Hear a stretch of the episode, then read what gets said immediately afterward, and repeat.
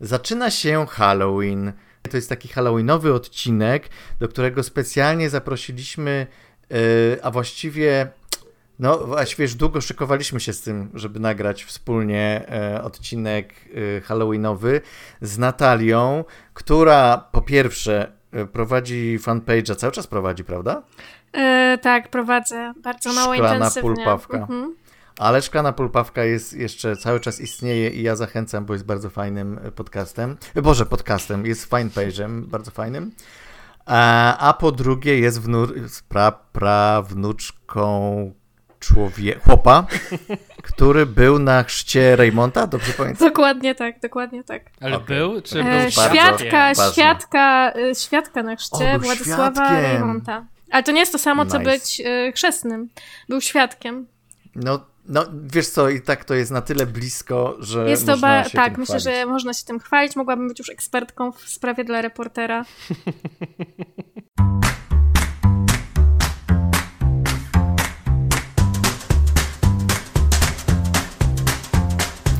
Kinotok. Podcast filmowy.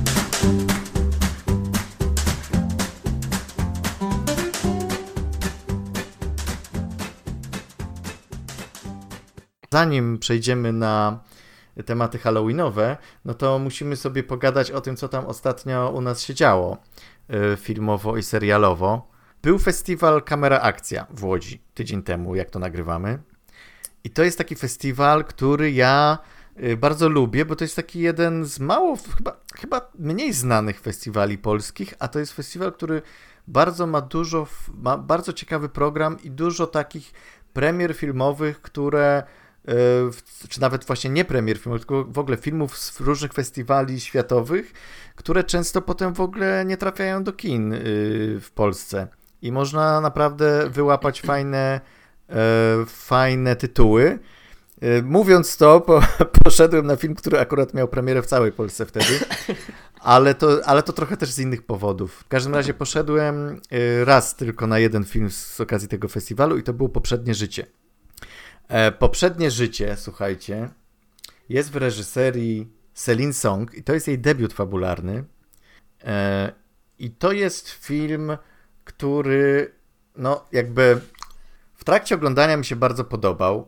Tuż po obejrzeniu bardzo przeżyłem ten film, ale z czasem e, troszeczkę tak ze mnie zelżał i w sumie tak teraz sam do końca nie wiem, na pewno go polecam, ale sam do końca nie wiem na ile ten film rzeczywiście do mnie trafił, a, do, a, a na ile nie.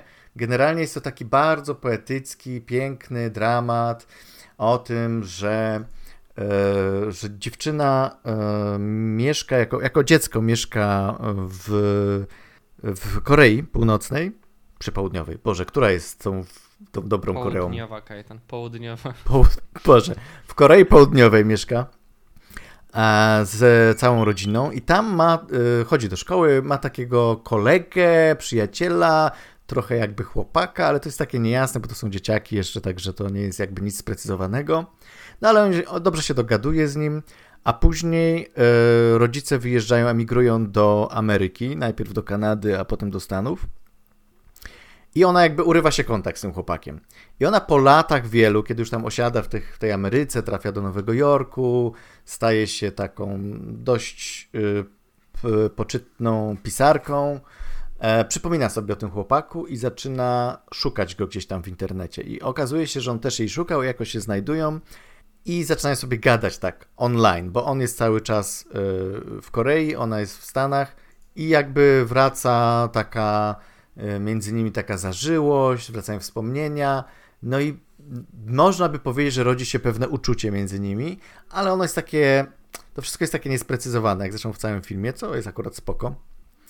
E, w każdym razie, e, no jakby po, to mija, znaczy ona w ogóle się z nim skontaktowała po 12 latach niewidzenia się z nim, potem mija znowu 12 lat, gdzie e, jakby przerwana jest między nimi e, ta konwersacja, ponieważ ona uważa, że musi się skupić na karierze i tak dalej. W przeciągu tych 12 lat ona się hajta z jakimś amerykańskim Żydem, E, mieszkają sobie gdzieś tam w tym Nowym Jorku i po 12 latach znowu jakby gdzieś tam się odzywa ten chłopak i przyjeżdża do Stanów. I jakby cała reszta filmu to jest taka jej takie spacery po Nowym Jorku z, między, i rozmowa między nią a tym chłopakiem i, przy, i wspominanie dawnych czasów i takie zastanawianie się, co by było gdyby. Mm, no i generalnie już tutaj nie będę dalej kontynuował, co, jak to wszystko się toczy dalej, ale y, jest to pięknie zrealizowany tak od strony wizualnej film, naprawdę od strony zdjęć, ta jakby cała poetyckość tego, taka ulotność, takie rzeczywiście uchwycenie takiej nostalgii y, jest no y, warte na pewno pójścia do kina na to. E, natomiast ostatecznie pomimo tego, że ten film naprawdę jest świetnie zrealizowany, świetnie zagrany, to tak trochę jest moim zdaniem taki. Nie chcę powiedzieć, że o niczym, bo na pewno jest o czymś, ale jest taki za prosty. On jest taki jakby, wiecie, ma takie. Chcesz powiedzieć, że jest nudny i o niczym. Nie, nie jest nudny. Nie, nie, on nie jest nudny w żadnym razie. Natomiast po prostu ma się wrażenie, że on jakby nie porusza tych ciekawszych y, tych ciekawszych elementów życia tych bohaterów. Jakby on ich tak cały czas jakby skacze, tak jakby muska tylko ten temat, nie, w, nie wgryza się w jakieś tam, no nie wiem, problemy tych bohaterów, czy rzeczywiście nie stara się nie wchodzić w jakieś niuanse, w jakieś takie sytuacje, które są może nie do końca e, ok, bo tam generalnie wszyscy ci bohaterowie są fajni, tak? To znaczy ona jest fajna, e, ten chłopak, który do niej przyjeżdża z Korei jest fajny i ten mąż też jest fajny i jakby oni są razem znaczy, poza barierą językową i kulturową, jakby nie ma właściwie problemu z tym, że no nie wiem, jest jakby poruszana kwestia zazdrości, ale, ale ten chłopak, ten mąż amerykański jest na tyle fajny, że on jakby to e, toleruje, tak? Toleruje to, no i to, to, gdzieś mi brakowało... zdradę, którą uważa, że tam następuje.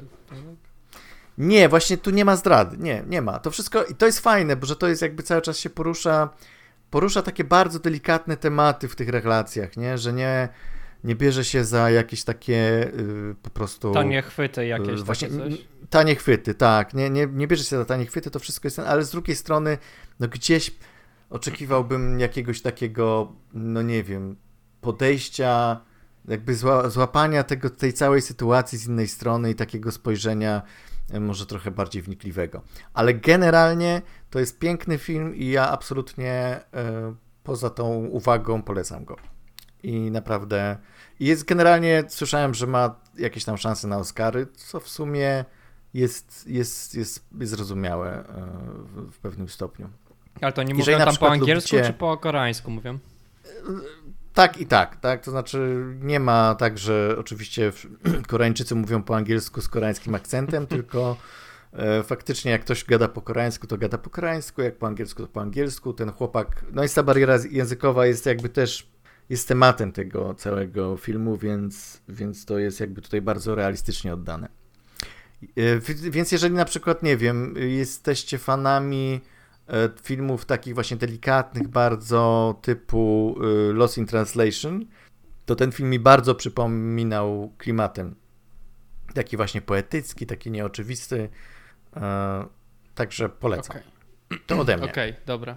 Natalia, co widziałaś teraz ostatnio? O, Doppelganger to jest chyba film Jana Holopka, z tego co mi wiadomo. Ja nie widziałam nigdy wcześniej żadnego jego serialu, na przykład nie widziałam ani Wielkiej Wody, ani Roysta, więc to w sumie był pierwszy film, który widziałam jego, który on zrobił tam w przeciągu ostatnich pięciu lat chyba jakoś tak jest bardzo produktywnym twórcą. I tak jak mówiłam Kajetanowi, mam do powiedzenia dwie rzeczy na temat tego filmu, czyli to, że Jakub Gierszał bardzo dobrze wygląda w dzwonach yy, i że ciężkie jest życie szpiega, jak powiedział mój kolega po wyjściu z kina. I tak naprawdę to są te dwie rzeczy, które mogę powiedzieć o tym filmie. Polecam bardzo okay. mocno. Od strony wizualnej, Polecasz. tak. Uważam, że historia jest bardzo prosta. Ale od strony e, wizualnej to nie powodu... brzmi dobrze. No. To nie brzmi dobrze, bo to nie jest bardzo skomplikowana historia, ale przez to jakby ogląda się z nią, to nie jest być może też jakaś najlepsza historia pod względem, no nie wiem, na przykład nie jest to kino rozrywkowe, tak jak się spodziewał mój kolega, który myślał, że idziemy na film o agencie, który będzie filmem o agencie mm. trochę bardziej niż ten. E, to jest smutny film o agencie. E, jest powolny, nie dzieje się tam zbyt dużo, historia jest prosta, ale opowiedziana w taki sposób, że po prostu, no chociaż ten film nie jest przyjemny, to powiedziałabym, że można się trochę zrelaksować go oglądając. Zwłaszcza właśnie y, ten aspekt wizualny mi się bardzo podoba, czyli wszystko tam tonące w takim dymie, bardzo dobre odwzorowanie jakichś takich różnych historycznych elementów scenografii, tak? To wszystko bardzo dobrze wygląda wizualnie, no i też ci wszyscy aktorzy wyglądają fantastycznie w, w tych stylizacjach i, i przez to to jest tak dobrze wyglądający film, że jest relaksujący dla oczu. I trochę aż mm. żałuję, że rzeczywistość już nie wygląda tak jak kiedyś. Bo może też byłaby taka relaksująca dla oczu. Taka pełna dymu. I tak naprawdę, Coś... tak, to jest dobry film. Ale nie jest doskonały, tak? Nie jest to jakaś na, mhm. naprawdę ciekawa historia. To jest bardzo prosta historia, która nie jest nieciekawa. Tak bym to podsumowała. Okej. Okay. A no, na czym polega film? Właściwie polega na tym, że jest dwóch mężczyzn. Jeden jest agentem i podszywa się pod, pod właśnie takiego sopockiego urzędnika i dzięki, dzięki temu, że przybiera jego tożsamość, rozwija swoją karierę jako szpieg wykorzystuje tą jego mhm. tożsamość. A tamten jednocześnie ma problem z tym, żeby wydostać się z kraju właśnie z tego powodu yy, i jakby przeprowadza coś w rodzaju takiego śledztwa, mini śledztwa yy, i, i, gdzieś tam to wszystko potem jakoś trochę wychodzi, a trochę nie i, i tego już może nie będę opowiadała. Więc jest to mhm. prosta, prosty jakby taki punkt wyjścia do opowiedzenia tej historii. E, I dosyć dobrze, konsekwentne zrealizowanie tej opowieści, więc y, warto jak najbardziej. A to jest taki film, który trzeba obejrzeć w kinie, czy trzeba go, czy możesz sobie poczekać aż. E, to jest, można moim zdaniem poczekać. Można poczekać. Można okay. poczekać. Nie trzeba go oglądać w kinie. No bo ja na pewno Royst to... pierwszy sezon ja sobie bardzo dobrze ceniłem. To był bardzo dobry serial, więc nie wiem, jeśli, na pew... jeśli tak jak opowiadasz, to jest bardzo podobny klimat Royst. Przynajmniej pierwszy sezon. Myślę, że tak. Ja nabrałam ochotę właśnie zdecydowanie, żeby się zapoznać zapoznać z innymi tutaj e, dziełami twórcy, więc myślę, że tak. A czy, a czy wiecie, że to a propos e, różnego rodzaju e, pochodzeń i dziedziczności, to wiecie, że Jan Holubek to jest syn Gustawa Holubka? Mhm. Wiecie o tym, dobrze. Bo ja nie wiedziałem, ale potem spojrzałem na jego zdjęcie i mówię, kurde, Gustaw Holubek totalnie. E, tak, widziałem, że nagroda za reżyserię w e, Gdyni Także tam się podobał bardzo ten film. Tak. No, no to super, no bardzo się cieszę w takim razie. Ja myślę, że gdzieś tam yy, ta historia mogłaby być bardziej rozbudowana, ale taki mhm. był wybór, że nie jest i, to też jest jakieś rozwiązanie, które zostało wybrane, więc rozumiem to w mhm. pewnym sensie. Jestem w stanie zaakceptować to, dlaczego to nie jest y, więcej. No ja Cholubka i nie wiem, aha, Paweł widział Roysta, ja Cholubka widziałem jeszcze właśnie Wielką Wodę i bardzo mi się podobał ten serial, także... No i Cholubek ma już też y, nagrodę główną w Gdyni za 25 lat niewinności. Dobrze mówię, że dostał nagrodę główną? Tak, dobrze hmm. mówię. Znaczy to w ogóle... A nie, znaczy... przepraszam, nie dobrze mówię. Znaczy w ogóle to jest ciekawe, bo... Ale dużo nagród To jest ciekawe, bo ten Doppelganger wyszedł właśnie w przestrzeni, gdzie bardzo dużo dobrej jakości polskich filmów wyszło naraz, bo jednocześnie chłopi wyszli w podobnym czasie, właśnie ten Sobowtór wyszedł w podobnym czasie, no i tam online na przykład ten Znachor też wyszedł jakby też w podobnym czasie i dużo jest takich filmów, że można było naprawdę sobie pójść na coś ciekawego polskiego do kina, tak? tak? Znaczy ja ten do, tego Doppelgangera raczej ominąłem, bo spojrzałem, myślałem, że to będzie kolejny polski film taki, który jest pełno takich dość Chcesz, Paweł, powiedzieć, że widziałeś już Znachora? Nie, nie widziałem jeszcze Znachora, ale ty, ale a, ty okay. opowiadałeś. Jeśli ty opowiadałeś o jakimś filmie, a ja go nie widziałem, to nie, to nie uznaję, że czuję potrzeby obejrzenia tego filmu. O, super, super, to jest mój sposób na zachęcanie do oglądania filmów. Um, no dobra, to Paweł, to teraz to o, twoja tak. kolej. E, ja e, obejrzałem Florę i Syn. Flory, Flora i Syn, czyli nowy film Johna Carneya, który wcześniej E, skradł moje serce Sing Street, który był jednym chyba z najlepszych filmów takich 2016 hmm. roku, który jest, który był musicalem. I tutaj mamy kolejny film, który też jest o muzyce, ale nie jest musicalem stricte, ale jest o matce, która sama, raz, znaczy rozstali się z mężem i matka głównie zajmuje się opieką nad synem. Oni są takiej gorszej przestrzeni. Znaczy to nie są, to nie jest tak, że to są jacyś przestępcy i narkomani, tylko bardziej ludzie biedniejsi mieszkający w Dublinie. Znaczy tam jest nawet taki problem, że ten chłopak, ten jej syn, tam 14-letni ma problemy z tam przestępczością, tam kradnie, takie rzeczy się dzieją. I kobieta, żeby odciągnąć tego swojego syna od jakiejś tam przestępczości, postanawia kupić mu gitarę, czy tam zdobyć gitarę, żeby miał jakieś zajęcie. I w momencie, w którym ten syn stwierdza, żeby matka się, wal się matka, ona sama stwierdza, chcę chyba zacząć uczyć grać się na tej gitarze, żeby mój syn myślał, że jestem cool.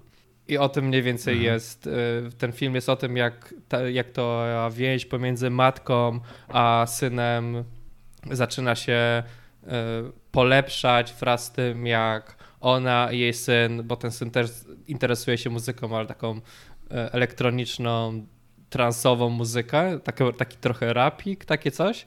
I on, on, się zaczyna tym interesować. To jest śmieszne, jak ona zaczyna uczyć się grać na tej gitarze, my to widzimy z jej perspektywy, a w tle ten syn uczy się tam tworzyć muzykę na komputerze. I w końcu w pewnym momencie oni jakby spotykają się gdzieś tam w środku i razem zaczynają tworzyć muzykę i tak ta ich więź się tworzy.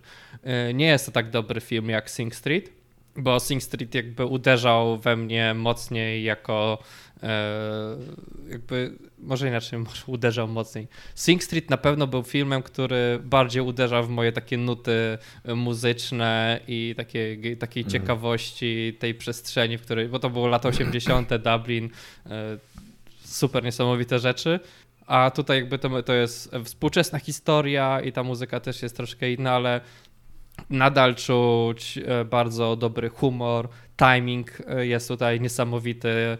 Ten scenariusz i te dialogi są super napisane, że to jest wszystko tak, że jest to na poważnie i ten humor powstaje z powodu tego, że dobry timing i tekst powoduje, że e, się zaśmiejesz i to nie jest nie czujesz, żeby to był wymuszony dowcip, który był napisany, tylko te postacie, które są nam przedstawione, tak by to powiedziały, ponieważ one są, mimo tego, że ich sytuacja życiowa spowodowała, że nie są w najlepszym miejscu, są to inteligentne, bystre osoby, które prowadzą konwersacje, żeby tam wsadzić w sobie jakieś tam szpile jedną z bardzo dobrych postaci. Znaczy, matka tutaj jest fenomenalna, Ewa Hawson, która jest córką Bono. Tak, by the way. Co? Jest y, jeszcze Joseph Gordon-Levitt, który gra y, nauczyciela gitary tej dziewczyny, który mieszka w Los Angeles. Oni tak naprawdę nigdy się nie spotykają, ale są cały czas y, jakby rozma rozmawiają przez laptopa, przez ten ocean i mhm. on, on ją uczy. On też całkiem śmiesznie tam wygląda, bo ta Flora nie jest do końca takim ona tam na przykład na pierwszej lekcji próbuje go podrywać, mimo tego, że są przez laptopa tam rozmawiają, tak? I jest bardzo zabawny. Mówię, nie jest to poziom e, Sing Street, ale nadal polecam i nadal warto sobie tego. Czy jest cameo Bono? Nie ma niestety cameo Bono. A, Całe szczęście. Szkoda. Niestety to nie jest moim zdaniem. No. Czyli dla ciebie dobrze, dla mnie w sumie nie wiem, też nie jestem jakimś wielkim fanem Bono, ale chciałbym go zobaczyć jeszcze kiedyś w jakimś filmie. A słuchaj, a powiedz mi, e, czy wszyscy widzieliście ten film Once, taki ten film, którym się tak wybił ten reżyser? Nie, ja Once nie widziałem ostatecznie tak naprawdę. Ale on tak, ja też, ale, ja też nie ale, ale wiem, wiem o co chodzi, tak? Więc tak nie... Bo dla mnie to jest szokujące, bo jak ja widziałem, widziałem oba filmy, ale nie skojarzyłem, że to jest ten sam reżyser. I Once było dla mnie takim po prostu snujem, tak po prostu mnie kompletnie do mnie nie trafił.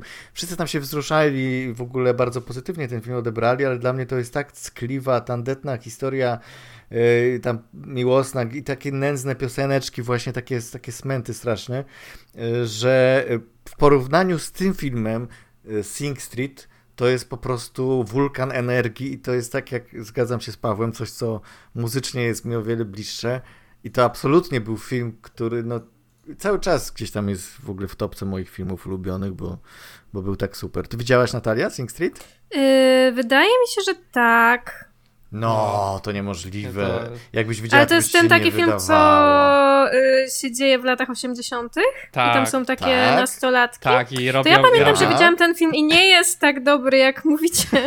Absolutnie, jak oni robią. Ale, Ale niewiele już z niego pamiętam. Jak kręcą więc... teledyski. teledyski. Kręcenie Y- teledysków? Pamiętasz? Czy na pewno Tak, pamiętam, pamiętam, że nie zrobił na mnie aż takiego, takiego No, wrażenia. nie. A wiadomo było, że to jest film, y, który ma potencjalnie szansę na to, żeby zrobić na mnie jak największe wrażenie, więc No właśnie. może obejrzałam ciekawe. go w złym stanie, ja nie pamiętam tego może zbyt tak. wiele, więc... To albo, to teraz może spróbuj once, to może tobie podejdzie once na przykład.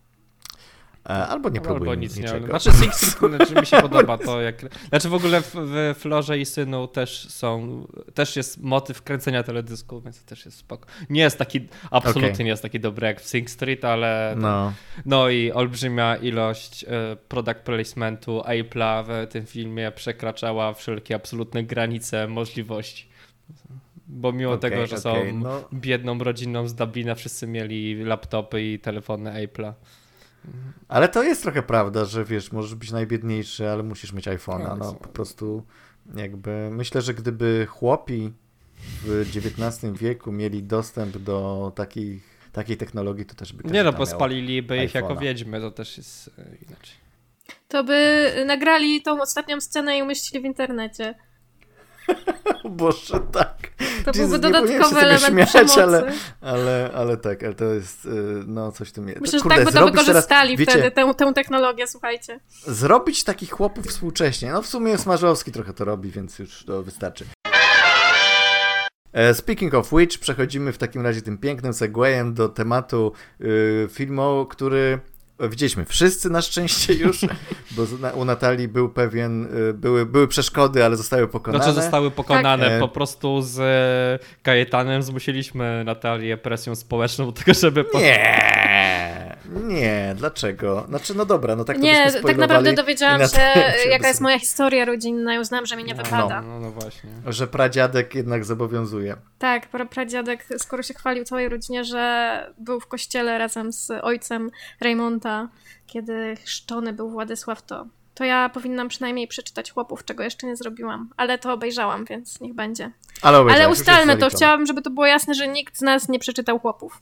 Absolutnie I, nie. Wiesz co, ja czytałem, ale bardzo dawno temu i prawie nic nie pamiętam. Nie jestem w ogóle żadnym wiarygodnym źródłem tutaj dla potwierdzenia. Nie czy jesteś coś chłopiarzem. się zgadza, czy się... Nie jestem chłopiarzem, zupełnie. Em, dobra, film Chłopi. W reżyserii e, Welchmanów, na pewno tak się na, takie mają nazwiska, ta para, bo to jest małżeństwo, ale teraz trzeba by powiedzieć, jak mają na imiona. Tego już oczywiście nie, nie. No, zaraz to sprawdzę. W każdym razie jest to film pary, y, która odpowiadała wcześniej za film Twój Vincent. I tu od razu y, ja nie widziałem Twojego Vincenta. Ja widziałam, Zaznaczam. ja widziałam, Paweł? a ty Ja Paweł? tylko oglądałem fragmentami, żeby zobaczyć, jak to wygląda, ale życie je, nie, tego Vincenta... Czyli nie widziałeś. nie- E, teraz kolejnym ich projektem właśnie jest y, Chłopiec zrealizowany w bardzo, no, po, no bardzo, no w podobnym, jakby w podobnej formie, czyli jest to animacja, znaczy jest to film nagrany aktorski, który stał się wzorem dla artystów, żeby namalować to w sposób malarski, tak, poprzez obrazy. Tak bardzo ogólnie mówiąc, tak, bo tak można później wejść w szczegóły, jak to naprawdę powstawało. Niemniej, y, no jest to film, który, no można powiedzieć, są to ruchome, malarskie, y, takie olejne obrazy. To wszystko. Mhm. To ja tylko chciałam powiedzieć kilka słów o twoim Vincencie, tak już Mhm. zamykając temat, że właśnie przez to, że widziałam ten film i byłam bardzo rozczarowana, bo o ile wizualnie to wiedziałam, że jakby tego typu animacja ma swoich zwolenników yy, i tak dalej i że można obiektywnie uznać, że no, jest to dobrze zrealizowane, to wiedziałam, że w tej warstwie fabularnej, na poziomie dialogów, ten film wypał, wypadł dla mnie tak słabo, że po prostu spodziewałam się dokładnie tego samego po chłopach. Więc Mhm. kiedy siedziałam dzisiaj w kinie, to tak przez pierwsze 10-15 minut czułam, że to się może powtórzyć, po czym jakby ten film tak mnie wciągnął e, przez swoje tempo, przez właśnie muzykę i przez po prostu sposób e, prowadzenia tej narracji i historii, że, że nie, zupełnie się nie powtórzyło to, co jakby nie podobało mi się w twoim Vincencie. Więc to tylko tyle chciałam powiedzieć tytułem nawiązania jeszcze do ich poprzedniego filmu. Mhm, mhm. No ja słyszałem właśnie też takie opinie, że, że jest to dużo lepsze niż pierwszy, niż ten twój Vincent i że dokładnie tak jak mówisz, tam dialogowo film siadał, generalnie od strony fabuły było sporo do zarzucenia, natomiast chłopi y, wypadli dużo lepiej. E, Może materiał no, co? źródłowy był, materiał źródłowy był lepszy, tak? Więc to też może w tą stronę trzeba Tak, pomyśleć. tak, no, na pewno. No na pewno, właśnie, bo tutaj też, y, kurczę, no czuć ten, to pióro Raymonta, nie? Znaczy, kurde, Absolutnie, nie, nikt nie pamięta go. Nie, jest to, ale nawet jak nie pamiętasz albo nie znasz, tak to sobie to wyobrażamy. Masz wrażenie, tak. że baza, jakby baza do tego filmu to jest jakaś porządna, naprawdę powieść, porządna historia, która ma coś do powiedzenia ciekawego i która fajnie obrazuje pewne środowisko i w sposób ciekawy i złożony. E, I mówiąc to, no to ja tylko może też gwoli wstępu.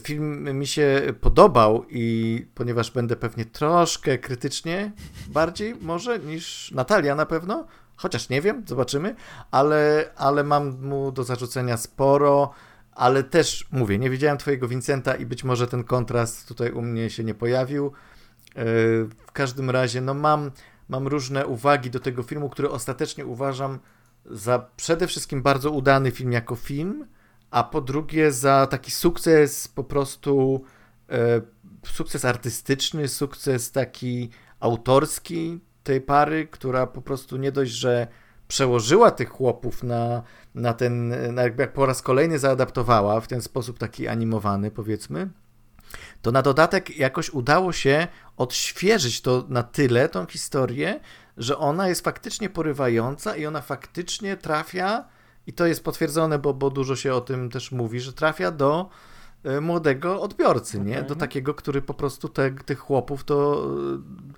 e, może tam gdzieś piłował w szkole, ale naj, najprawdopodobniej tylko bryka przeczytał i to wszystko.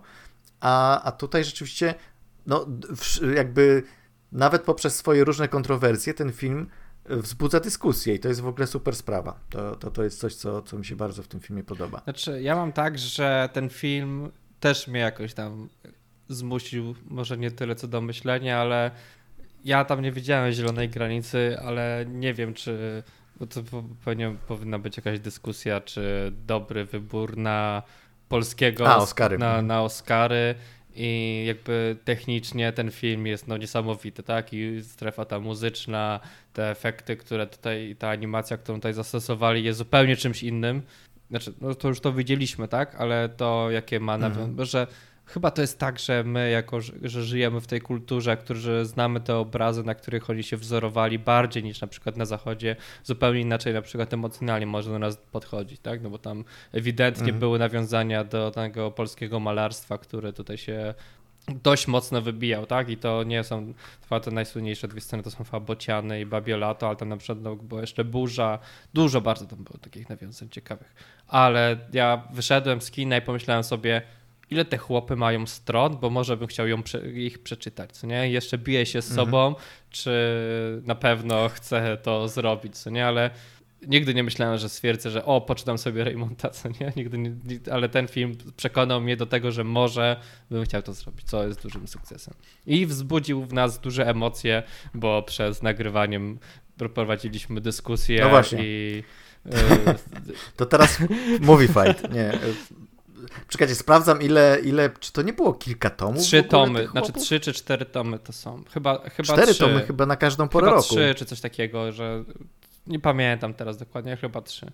Ale że, Sprawdzam że to jest film, który e, ma, jest tak ciekawie jakby wyciągnięty, jest ten główny wątek fabularny, okrojony jest ta książka, tak? Na pewno musiała być, tak? No bo to jest 600 stron książki, która też się skupiała na tych obyczajach e, chłopskich z tamtego czasu ale jakby to, że ten film był w stanie wywołać e, u nas taką dyskusję dość zażyłą na temat tych postaci, na temat tego, co oni, które postacie dobrze postąpiły, które są źle, to już samo w sobie jest e, pozytywne, tak? Że film mhm. wywołał u nas dyskusję, tak? Że e, to, to, to, to, to ma jakąś wartość w sobie, tak? Że e, to jest taka, ty Kajdan powiedziałeś, że to taka uwspółcześniona historia, ale to jest ta sama historia, która była w książce i to nie jest jakby, nie próbowali ich chyba uwspółcześniać, ale ta historia sama w no sobie nie, nie się ma. broni, tak? No bo ja powiedziałem, że wszystkie postacie są tutaj chujowe i się kłóciliśmy o to, który jest najmniej chujowy, która postać jest najmniej chujowa, tak? No tak taka była to dyskusja. To znaczy, no ja nawet wiem, kto nie jest chujową postacią i wiadomo, że mówimy o Jagnie, tak? Nie, nie, nie. Ona... Ciężko tutaj mówić Teraz o chujowości. Walka jakby... o Jagnę. Mm, ja mam wrażenie, że tak, że to jest postać, która wywołuje na pewno duże emocje, e, ale chciałabym zauważyć, że chyba gdzieś tak e, od samego początku filmu e, wszystko, co jakby ona robi, to jakby ona jest po prostu. No jest obecna w kadrze, ona właściwie nie jest tak, jak tutaj powiedziałeś, Pawle, w naszej dyskusji wcześniej, no. na przykład Pick Me Girl. Ona po prostu jakby wzbudza te emocje tylko będąc, tak? I jakby ona ma tą przestrzeń tak. zabieraną przez, przez innych bohaterów i jakby przez to jakby mamy takie poczucie, że ona się może trochę dusi, ale jakby tak naprawdę nie ma takiej energii, która bezpośrednio jakby, którą ona emanuje, jak w jakiś taki świadomy i celowy sposób, która by taki efekt na przykład na mężczyznach wywoływała. Nie, no mhm. oczywiście, tak. Ona jest, ona jest, można powiedzieć, y, taką najbardziej bierną postacią tam, nie? Właściwie ona praktycznie, no w cudzysłowie, nie robi nic, e, a i za to właściwie zostaje cięgi tak naprawdę, że tak, nic no, nie ona robi. tym nierobieniem nic doprowadza jakby... i wręcz do szału wszystkich po tak, prostu. Tak, tak, na sam tak, koniec. Właśnie tak, tym nic no. nie robieniem, to jest, to jest tak wielowarstwowe, nie? Bo można powiedzieć, nic nie robi na przykład, żeby, nie wiem, swoją renomę popsuć, czy coś takiego. Nic nie robi, y, kiedy E, no nie wiem, tam na nią psy wieszają, ale też nic nie robi w, tym, w tej wsi, tak? Znaczy w sensie jako, jako chłopka jest mało produktywna i mało osobą mało y, potrzebną tam, można powiedzieć, pod względem takiego właśnie uprawy roli i tak dalej, nie? Tak, no bo to nawet była ta kwestia, tak, co tak którą się tam pojawiła z córką Boryny, która stwierdziła, że ona to jest absolutnie tam niepotrzebna, bo ona tylko leży w tym łóżku i tak. Tak, tak, tak ale wiecie, ona też nie robi nic takiego w tym drugim sensie. W sensie ona na przykład nie jątrzy, ona nie uwodzi, ona, mhm. wiecie, nie, nie, nie jest niemiła, nie prowokuje tych sytuacji jakichś konfliktowych, tak? No, no nie wiem. Więc no, to ona tą swoją na, biernością. Zgadza się na romans z Antkiem i miała bardzo dużo możliwości, żeby żeby to przerwać. No tak, tylko musimy tutaj jakby zrozumieć, że jakby jest on młodą kobietą, która zostaje uwiedziona, tak, to są wszystko dużo starsi mężczyźni i tak dalej. Jest w takiej sytuacji, w której ciężko ją winić tak naprawdę za to, co się dzieje, za to, że wiecie, ponoszą ją jakieś uczucia, że, że się czemuś tam poddaje, tak. Yy, jest tutaj za to cała masa innych mężczyzn, którzy jakby próbują sprowokować in, różne sytuacje i jakby ona tutaj im nie ulega, tak, więc, więc no to, to, tak to nie jest. Znaczy, no może to kwestia tego, że miała historię wcześniej z samym Antkiem, tak? No to też jakby, znaczy, czy, w ogóle najgorsza słuchajcie. postać, dobra, e... bo wszyscy wiemy, że najgorszą postacią jest Antek, który jest chujkiem. I, tak, i tutaj wszyscy się zgadzamy. Tutaj powinien spoleć no. na stosie i jest najlepszy, jakby najgorszą postacią. No, najgorsza osoba w tym filmie, jeszcze. możemy o tym porozmawiać, bo, okay, bo to jest dobra. chłop, który, ten chłop, który nic nie robi naprawdę tak. yy, i rzeczywiście jest absolutnie do niczego tam niepotrzebny nikomu, moim zdaniem, poza... Czyli oni są podobni do siebie w jakimś sensie, nie? W pewnym Mają sensie podobne tutaj... temperamenty ale są, ale on jest y, dodatkowo osobą bardziej przebojową, bardziej y, y, charyzmatyczną i też osobą, która ma tam no, pogłos, tak? Znaczy, to on jest synem Boryny, to jest, to jest ważna postać w tej wsi. Od pewnego momentu kiedy... on jest ważny, no jakby do, do pewnego momentu jakby zostaje sprowadzony do takiej, jak zresztą bardzo, wiecie, no mhm. najniższej pozycji, tak? Do... Ale on wie, ale on wie, że kiedyś, wiesz, to, to jeżeli wiesz, że pewnym momencie staniesz się na, na czele tego stada, to już, ma, już z innej pozycji wychodzisz niż ta jagna, która no, po prostu jest tak, faktycznie... sprzedawana jak, jak krowa e, gdzie, na, na targu, Gdzie go to co, doprowadza, co jest... tak? To, bo jakby on jest mhm. w takiej sytuacji, w której Duma mu nie pozwala na przykład właśnie na przyjęcie jałmużny, przez co jego dzieci są głodne. Duma mu nie pozwala, nie wiem, pójść do pracy jako parobek, tak? Czyli znowu zapewnić ogóle... swojej rodzinie. No tak, Więc jakby, jakby powiedzmy, co? on jest w takiej sytuacji, w której ma świadomość, że jego los się kiedyś odmieni i jego pozycja jakby będzie znacznie lepsza niż jest w tym momencie, ale to jakby przeszkadza mu, yy, no na przykład w utrzymaniu rodziny. Albo nie być byciu chujem, mhm. co nie? Bo to, bo to tak pochodzi to, że ta jego duma on nie ma za co być dumny, co nie? On jest dumny za to, że jest synem Boryny, tak? Tak. Gdzie Boryna doszedł do wszystkiego swoją jakby ciężką pracą, więc jakby jesteśmy w stanie zrozumieć, dlaczego on jest oschły i niemiły dla tego swojego syna, który generalnie się opierdziela i pewnie gdyby ten syn nie był dumny z tego, że istnieje, no ten Boryna pewnie inaczej by do niego podchodził. Jeśli by pokazał, to jest przecież Hanka, No ciężko która, to powiedzieć, to ale jest, może tak być. Tak, bo jest Hanka, która pokazuje swoją jakby pracowitą stronę i on jakby jej oddaje część majątku i daje jej, pomaga jej, bo jakby zaczyna ją doceniać przez jej pracę ciężką. A więc wiemy, że co ceni Boryna, tak? Ciężka praca jest jakby, mhm. czy tam praca u podstaw jest najważniejszą rzeczą, tak? Też nawet sama, dobra, czy spoilujemy książkę z... z... No właśnie, chciałem tak, to zaznaczyć, jakby co to, spoilery. bo to nie ma sensu. Spoilery że jakby śmierć Boryny jest, w ogóle sam to wizualnie, jak to było przedstawione, jest niesamowite, e, ale on, wiesz, pada na pole i próbuje siać, bo trzeba iść siać, co nie, że jakby można no czuć niechęć do tej postaci, co nie, można czuć... E, można. E, no, tak naprawdę ugarnął sobie ja młodą dziewczynę, żeby pokazać tylko swój status, tak, co jest dość chujowym, chujową rzeczą, ale jakby można czuć, że to jest jakby nie, szorstka, nieprzyjemna osoba, ale nie może mu zarzucić, że nie jest osobą z pewnymi e, celami, z pewnymi wartościami, wartościami i się ich trzyma jako jedyna osoba w, tym, w, tej, w, w tej przestrzeni. No może jeszcze może jego córka jest troszkę inaczej i tam funkcjonuje, ale Że on jest konsekwentny, on jest tak, konsekwentny tak, w swoich działaniach, tak? I rozumiemy go. On przede wszystkim jak trzeba. Tak? Jakby pracowitość nie jest cechą, która nie powinna być szanowana, tak? Więc to...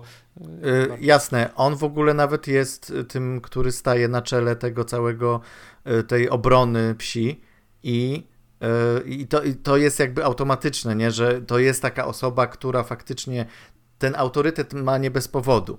I to jest, to jest wszystko prawda, natomiast na przykład ja nie lubiłem tej postaci przez cały film, w ogóle mało którą lubiłem. No, Jagnę lubiłem, ale, ale Jagnę, jakby ja jej współczułem przede wszystkim, to to było takie podstawowe okay, no. uczucie. A, e, a, a, a reszty postaci naprawdę nie lubiłem. I to jest dla mnie taki podstawowy problem tego filmu, który wydaje mi się, że jest jakby w kontraście do po pierwsze tego, co pamiętam z powieści Raymonta, a po drugie nawet tego filmu z lat 70., który, który był w miarę chyba taką wierną adaptacją. To znaczy on jest bardzo... Yy, on jest tak skonstruowany, żeby yy, jakby podkreślić swoją tezę, którą ma z góry założoną, i pod tą tezę konstruuje całą tą y, historię i tych bohaterów, przez co nawet jeżeli bohaterowie robią rzeczy, za które praktycznie nie jesteśmy w stanie nawet jakoś ich krytykować, na przykład takiego Borynę, to jednak jest to tak przedstawione i tak podkręcone przez obraz, przez grę, przez muzykę, przez jakby kontrast z innymi postaciami, że no ja czułem jakiegoś rodzaju niechęć do tej postaci, chociaż jak się zastanowiłem, to w sumie nie wiem za co. Znaczy, no, no, no ja jest myślę, kilka rzeczy, że... tak? Y, to jest tak, jak ty mówisz, Kajetanie, tutaj ci wejdę w słowo, że rzeczywiście jest tak, że mamy Jagnę i wszystkich innych i przez to właśnie jak jest skonstruowany właśnie na przykład, o, nawet jak są konstruowane kadry i tak dalej, no jakby oni wszyscy występują w kontrze do niej, jakby cała historia y, tak. jest opowiadana przez pryzmat jej postaci, w tym sensie, że y, inne postacie pojawiają się w kadrze w jakimś takim jakby w jakiejś takiej kontrze do niej, tak? Zawsze są w jakiejś relacji z Jagną właściwie. I rzeczywiście jest tak, że jest ona i kontra wszystkie postacie, po prostu ze względu na to, jak, jak ten obraz jest budowany. Tak bym to no, ujęła.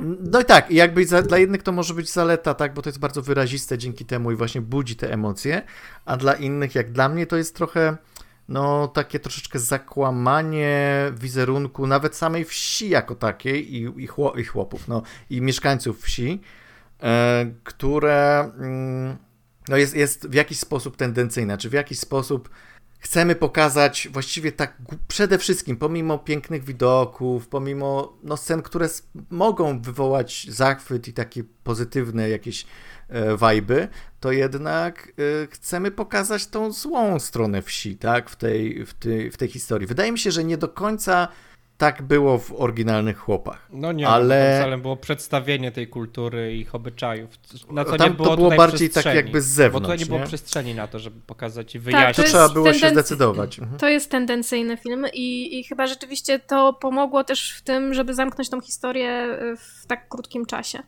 Bo gdybyśmy nie mieli tutaj jakiejś takiej, wiecie, tezy, którą tutaj e, twórcy próbują udowodnić, to by było trudniejsze. Już jakby dodanie jakiejkolwiek tutaj Jasne. innej perspektywy i rozszerzenie tego, tak. to, to jakby by znacząco tutaj komplikowało rozwój tej historii, ale przez to tutaj się zgodzę i myślę, że to możemy zarzucić temu film, filmowi, że rzeczywiście y, jakby jest tutaj przedstawiona historia z perspektywy jednej postaci tak naprawdę. Jest znaczy, uproszczony nie, no, ten, to ten Jagna jest jak no McGuffin, co nie? Że ona jest, by, jest rzeczą, którą wszyscy chcą z jakiegoś No powodu. nie, nie jest McGuffinem, ja się tu nie zgodzę.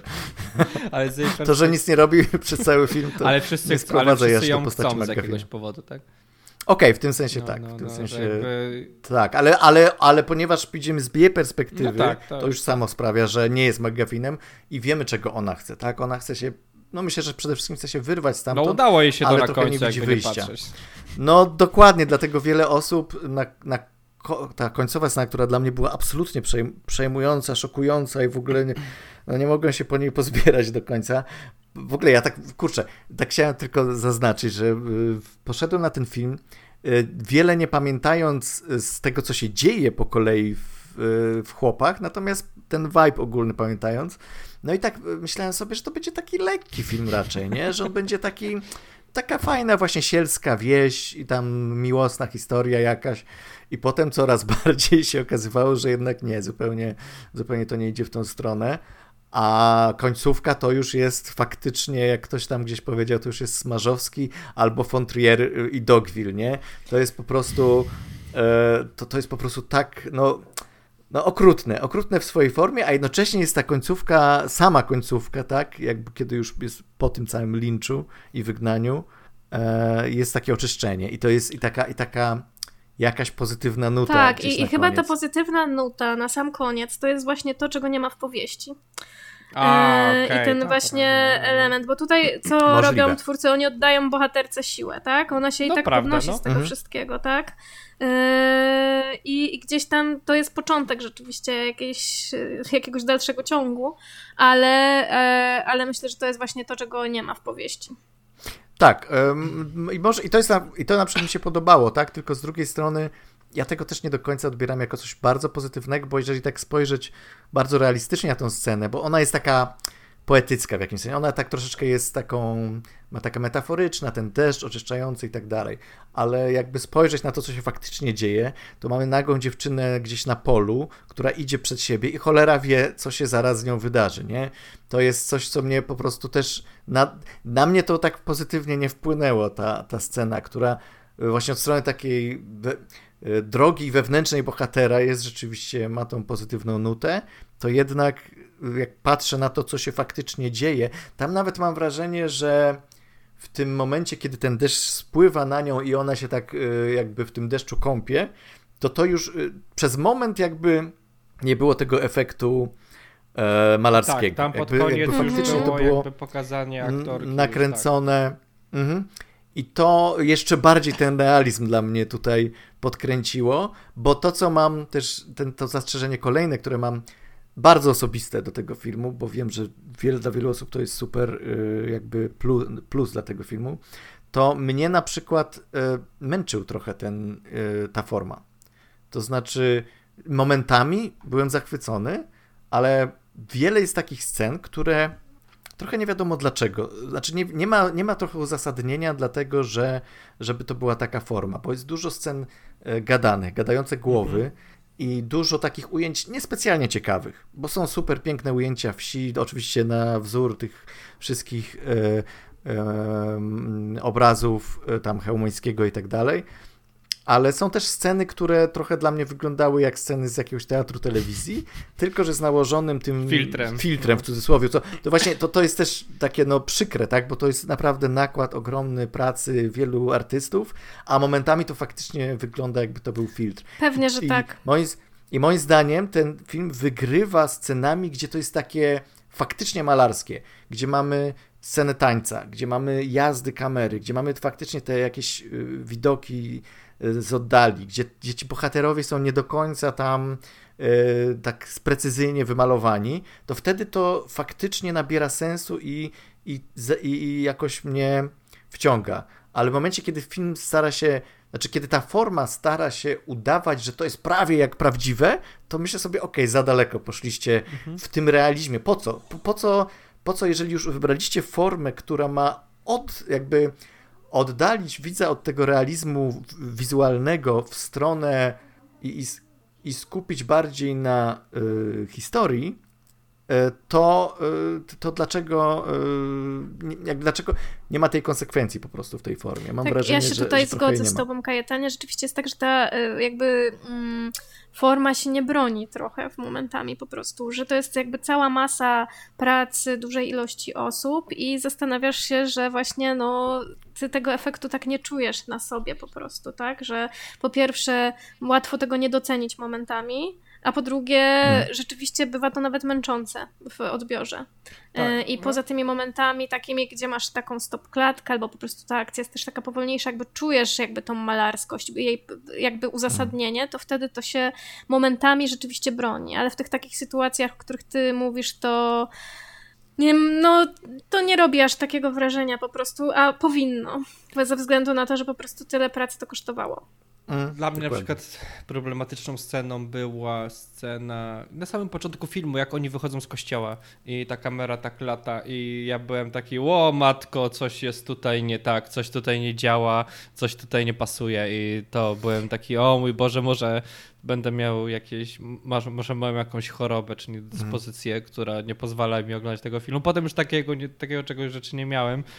Oko się też przyzwyczaja. Tak, tak, w pewnym momencie się przyzwyczaja oko, e, ale mi trudno powiedzieć, na przykład sceny, na przykład jak już oni tańczyli na, w trakcie wesela, to było super, niesamowite, tam ładnie kolory, te działy, W ogóle zajebista scena, cała. Cało, całe wesele jest super niesamowite, mimo tego, że tam jest ten ruch, to może to było tak, że oni opracowali to już trochę lepiej, może już jak już doszli do tej sceny ślubu, albo na pewno więcej poświęcili jej e, uwagi. Ale na przykład sceny, z drugiej strony na przykład sceny w trakcie burzy, jak oni tam przeciskają ten, e, ten wóz i próbują coś tam zrobić i gdzie widzimy moc tego, że mamy kontrast mocnego takiego, nie ciemności, bo to nie było czarne, tylko ten mhm. kolor taki granat z takimi zieleniami, które tam mhm. były czarne praktycznie, ale czułeś ten delikatny odcień z tym kontrastem na jasne twarze. To było bardzo ładnie zrobione, ale trochę się nie zgodzę nawet z tym kwestią, że te siedzone i przegadane sceny nie mają takiego, takiej mocy. Na przykład scena z taka nawet przegadana tej sprzedane, sprzedaży Jagny przez jej matkę dla bo, do Bory, tam, nawet nie, to nie był Boryna, znaczy to była sprzedaż Borynia, ale tam był chyba ten, kto tam był, mhm. burmistrz, tam, nie burmistrz, tylko wójt, wójt, wójt tak, jak mhm. oni rozmawiali, no to ładnie było, miałeś ten, to, to, to światło z okna tej zabudowanej tak, mhm. tej przestrzeni, no to jest wszystko też bardzo takie malarskie, tam były wykorzystane, było to wykorzystane, że jakby mógłbyś zabrać klatkę z tego filmu i coś z tym zrobić, tak, że to jest jakby samo w sobie. Powiesić. Ale, no, ale sam na przykład taki efekt e, takiej stałości, która się rusza, że w tym filmie cały czas ten ruch był, nawet jeśli no, tam mhm. były takie sceny na samym początku, takiej natury, która w jakiś sposób się zmienia i ten ruch nie polegał na przesuwaniu elementu, ale dodawaniu innej, jakby pokazywaniu innej plamki czy maźnięcia farby. To no wiesz, było, no, to, tak to jak ma, malowane obrazy zmieniają się e, ruchy pędzla, czy tam te tak, maźnięcia tak. pędzla i że przez to, nie, jest ten ruch. Tak. tak. Że to było ciekawe, że to nie było kwestia e, przesunięcia plamki, czy pokazania jej inaczej, tylko dodania innej zupełnie plamki, która była tą samą plamką, ale inną plamką, to, no, to super było. Mi się tak technicznie to podobało. Rozumiem, że jest ten pewien moment, w którym oni przechodzą w tą bardziej realistyczną część i to też jakby ja trochę to rozumiem z kwestii technicznej, bo musisz pokazywać to bardziej realnie w niektórych momentach, bo inaczej miałbyś to bardzo mocno rozmyte. Ja nawet w pewnym momencie też miałem problem z tym, żeby dowiedzieć się, które postacie to są które postacie, żebym się przypadkiem nie pogubił, tak? No bo to może być taki jeden minus, więc to jest ciekawe, że nie wszystkie... Zwłaszcza jak na z Hanką mi się Tak, mówi. absolutnie. Znaczy to było tak, Wizualnie, że... nie, tak, nie, tak. nie charakterologicznie. Ale Jagna na pewno zawsze miała mocne takie winne Mocny... usta, tak, żeby je tak. rozdzielić, więc to też jakby dużo takich Makijaż. elementów pokazali dodatkowych. Natalia?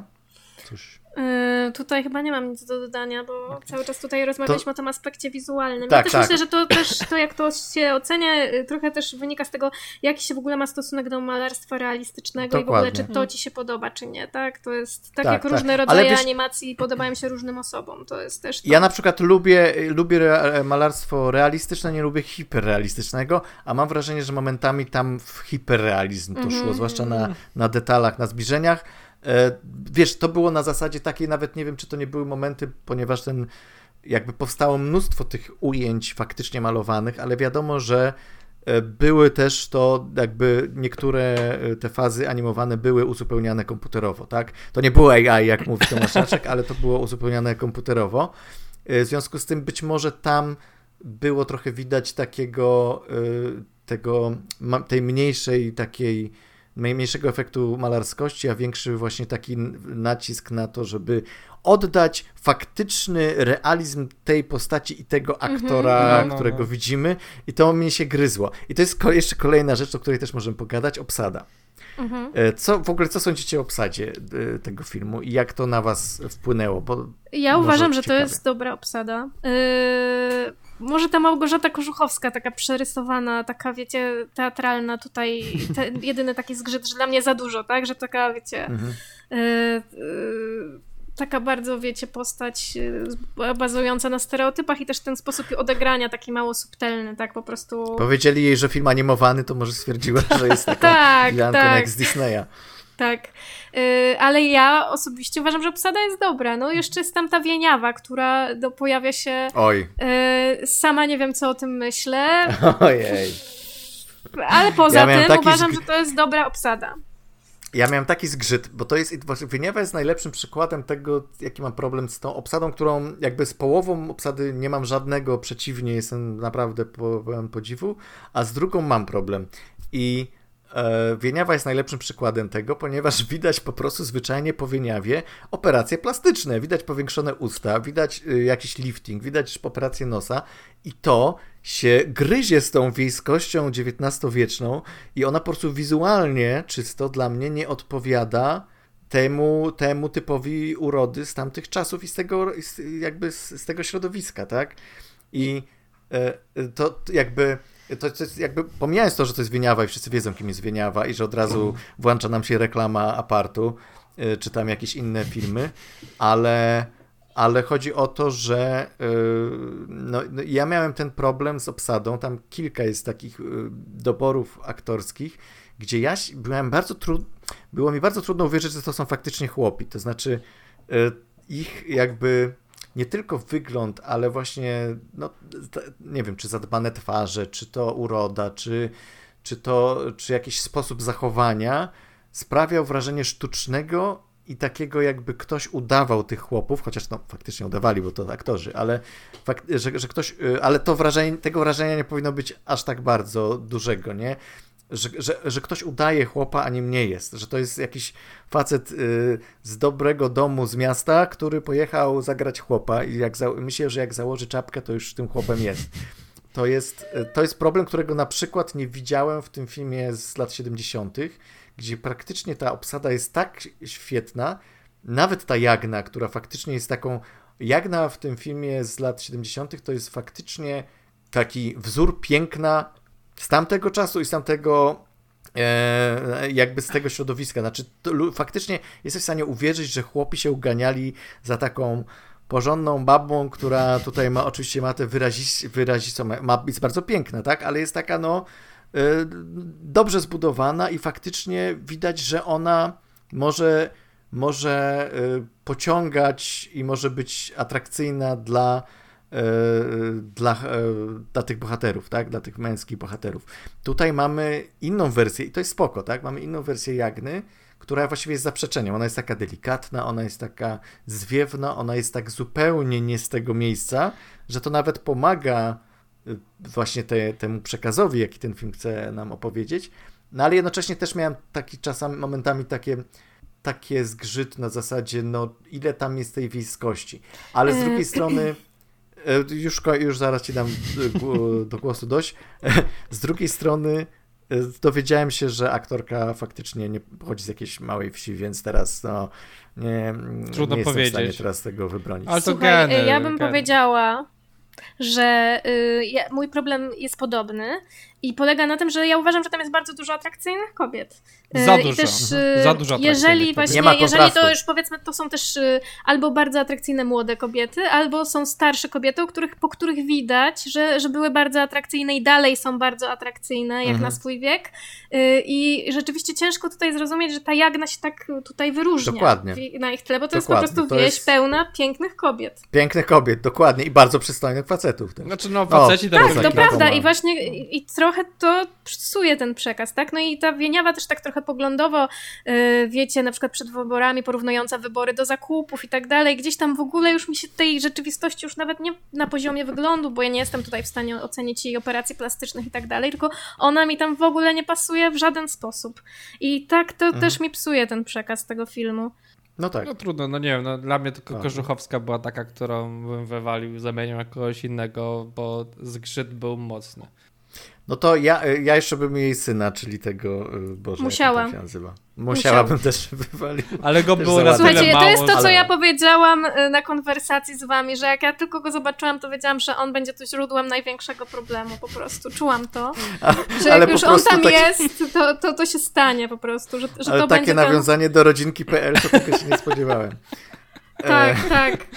ale, ale na przykład z plusów, bo y, ten, ta obsada, która mi się najbardziej podobała, to poza wizualiami aktorka grająca Jagnę super ją zagrała i to absolutnie y, była świetna.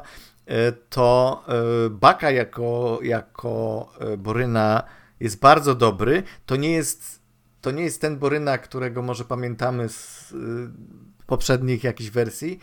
I to nie jest Boryna, który bo, te, bo ten Boryna z poprzedniego filmu, on, był, on jednak dał się lubić bardziej. Tak nawet, nawet czysto wizualnie. On był taki miły, taki, taki miły pan no, ze wsi, tak? A, a, a Baka ma no, taką no, w- mordę bandziora, nie? Na, nie na darmo grywał tam u Kieślowskiego i, i, w ogóle, i w ogóle grywał Pasikowskiego, tych wszystkich najgorszych zakapiorów, więc może to dodatkowo sprawiło, że jakoś mi trudno było go polubić, ale, ale wizualnie jakby i w ogóle gra aktorska super. Znaczy on sprzedawał to pierwsze E, wrażenie tego Boryny oschłego, drania i dupka, co nie? Które, no, no jak u Tak, mnie na tak, przykład tak. się zmieniło, tak, że jak e, Antek na początku niby był tym lepszym, który może był w jakiś sposób pokradziony, to potem był coraz gorszy, a Boryna był tym złym, który stawał się coraz lepszy. No właśnie, a dla mnie absolutnym objawieniem tego filmu jest Antek właśnie, czyli ten y, gulaczyk. Absolutnie strzał w dziesiątkę, jak chodzi o Mhm. obsadę, bo to jest po prostu raz, że, że czuje się y, rzeczywiście, że to jest, że to jest chłop, że on tutaj się jakby pracą, pracy się nie wstydzi, żeby, że jest po prostu taki i, i faktycznie może wzbudzać e, mm, zainteresowanie kobiet tam. On jest, on jest Gastonem z Pięknej Bestii e, trochę, chociaż, chociaż też nie do końca, no bo, no bo na początku też sprawia wrażenie pozytywnej postaci. E, więc on jest super i to się nazywa Gulaczek, nazywa się ten aktor i, i on, on, był, on był znakomity. No i Stalińska oczywiście, o której też gadaliśmy, że, że, że też w sumie trochę, trochę kradnie te sceny, w których jest i mm, no, no jest świetna.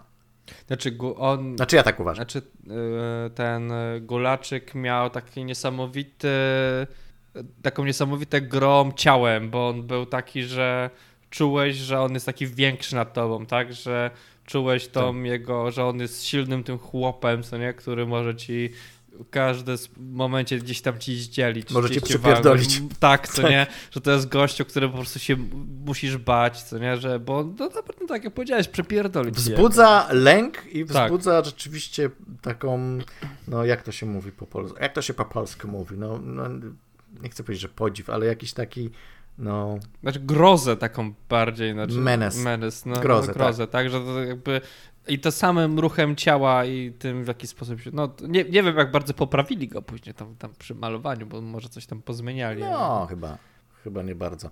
Natalia, czy popierasz, czy, czy zaprzeczasz? Tak, nie, no dokładnie mhm. to jest to, o czym wy mówicie, że jakby tutaj mamy tą aparycję, jakby tą postawę i te, te ruchy, które wzbudzają taki, a nie inny efekt, a z drugiej strony właśnie ta postać jakby maleje w naszych oczach ze względu na to, że mhm. jest też mało jakby no mało budząca podziw na poziomie takiego zachowania yy, jako na przykład głowa rodziny, albo po prostu jako mężczyzna mhm. i, i, po prostu tutaj zawodzi na każdym kroku. Więc mamy ten kontrast pomiędzy jego jakby aspektem tutaj jakimiś walorami wizualnymi, a tym, jaki on jest.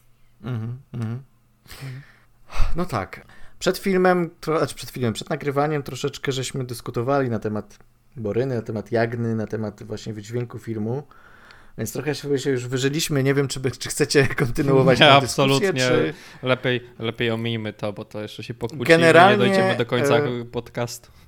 Tak, bo jeszcze mamy, jeszcze trochę jest przed nami do omówienia, więc e, generalnie może kilka słów podsumowań od każdego. Ja jeszcze tylko dodam, że muzyka, muzyka jest po prostu absolutne mistrzostwo świata. Ja chcę, żeby ta muzyka była nominowana do Oscara, bo to jest naprawdę taki poziom i momentami byłem, myślę sobie, czy ja naprawdę jestem e, na polskim filmie, który ma tak takie świetne muzyczne i dźwiękowe też opracowanie. Tak, to... tak, to jest to, co, o czym mówisz, dźwiękowe też, bo ja po prostu, ja, ja słyszałam, że ja jestem po prostu w tej chacie, wiecie, te dźwięki mhm. przez jakieś takie drewniane belki docierają, niesamowitej muzyki, y, niesamowite przejścia na przykład między pokojami, tak, jak ktoś jakby, jak przemieszczała się jakaś mhm. postać, więc ten dźwięk też się zmieniał, więc to jest tak jak mówisz, nie tylko muzyka, ale jeszcze to opracowanie warstwy dźwiękowej w ogóle.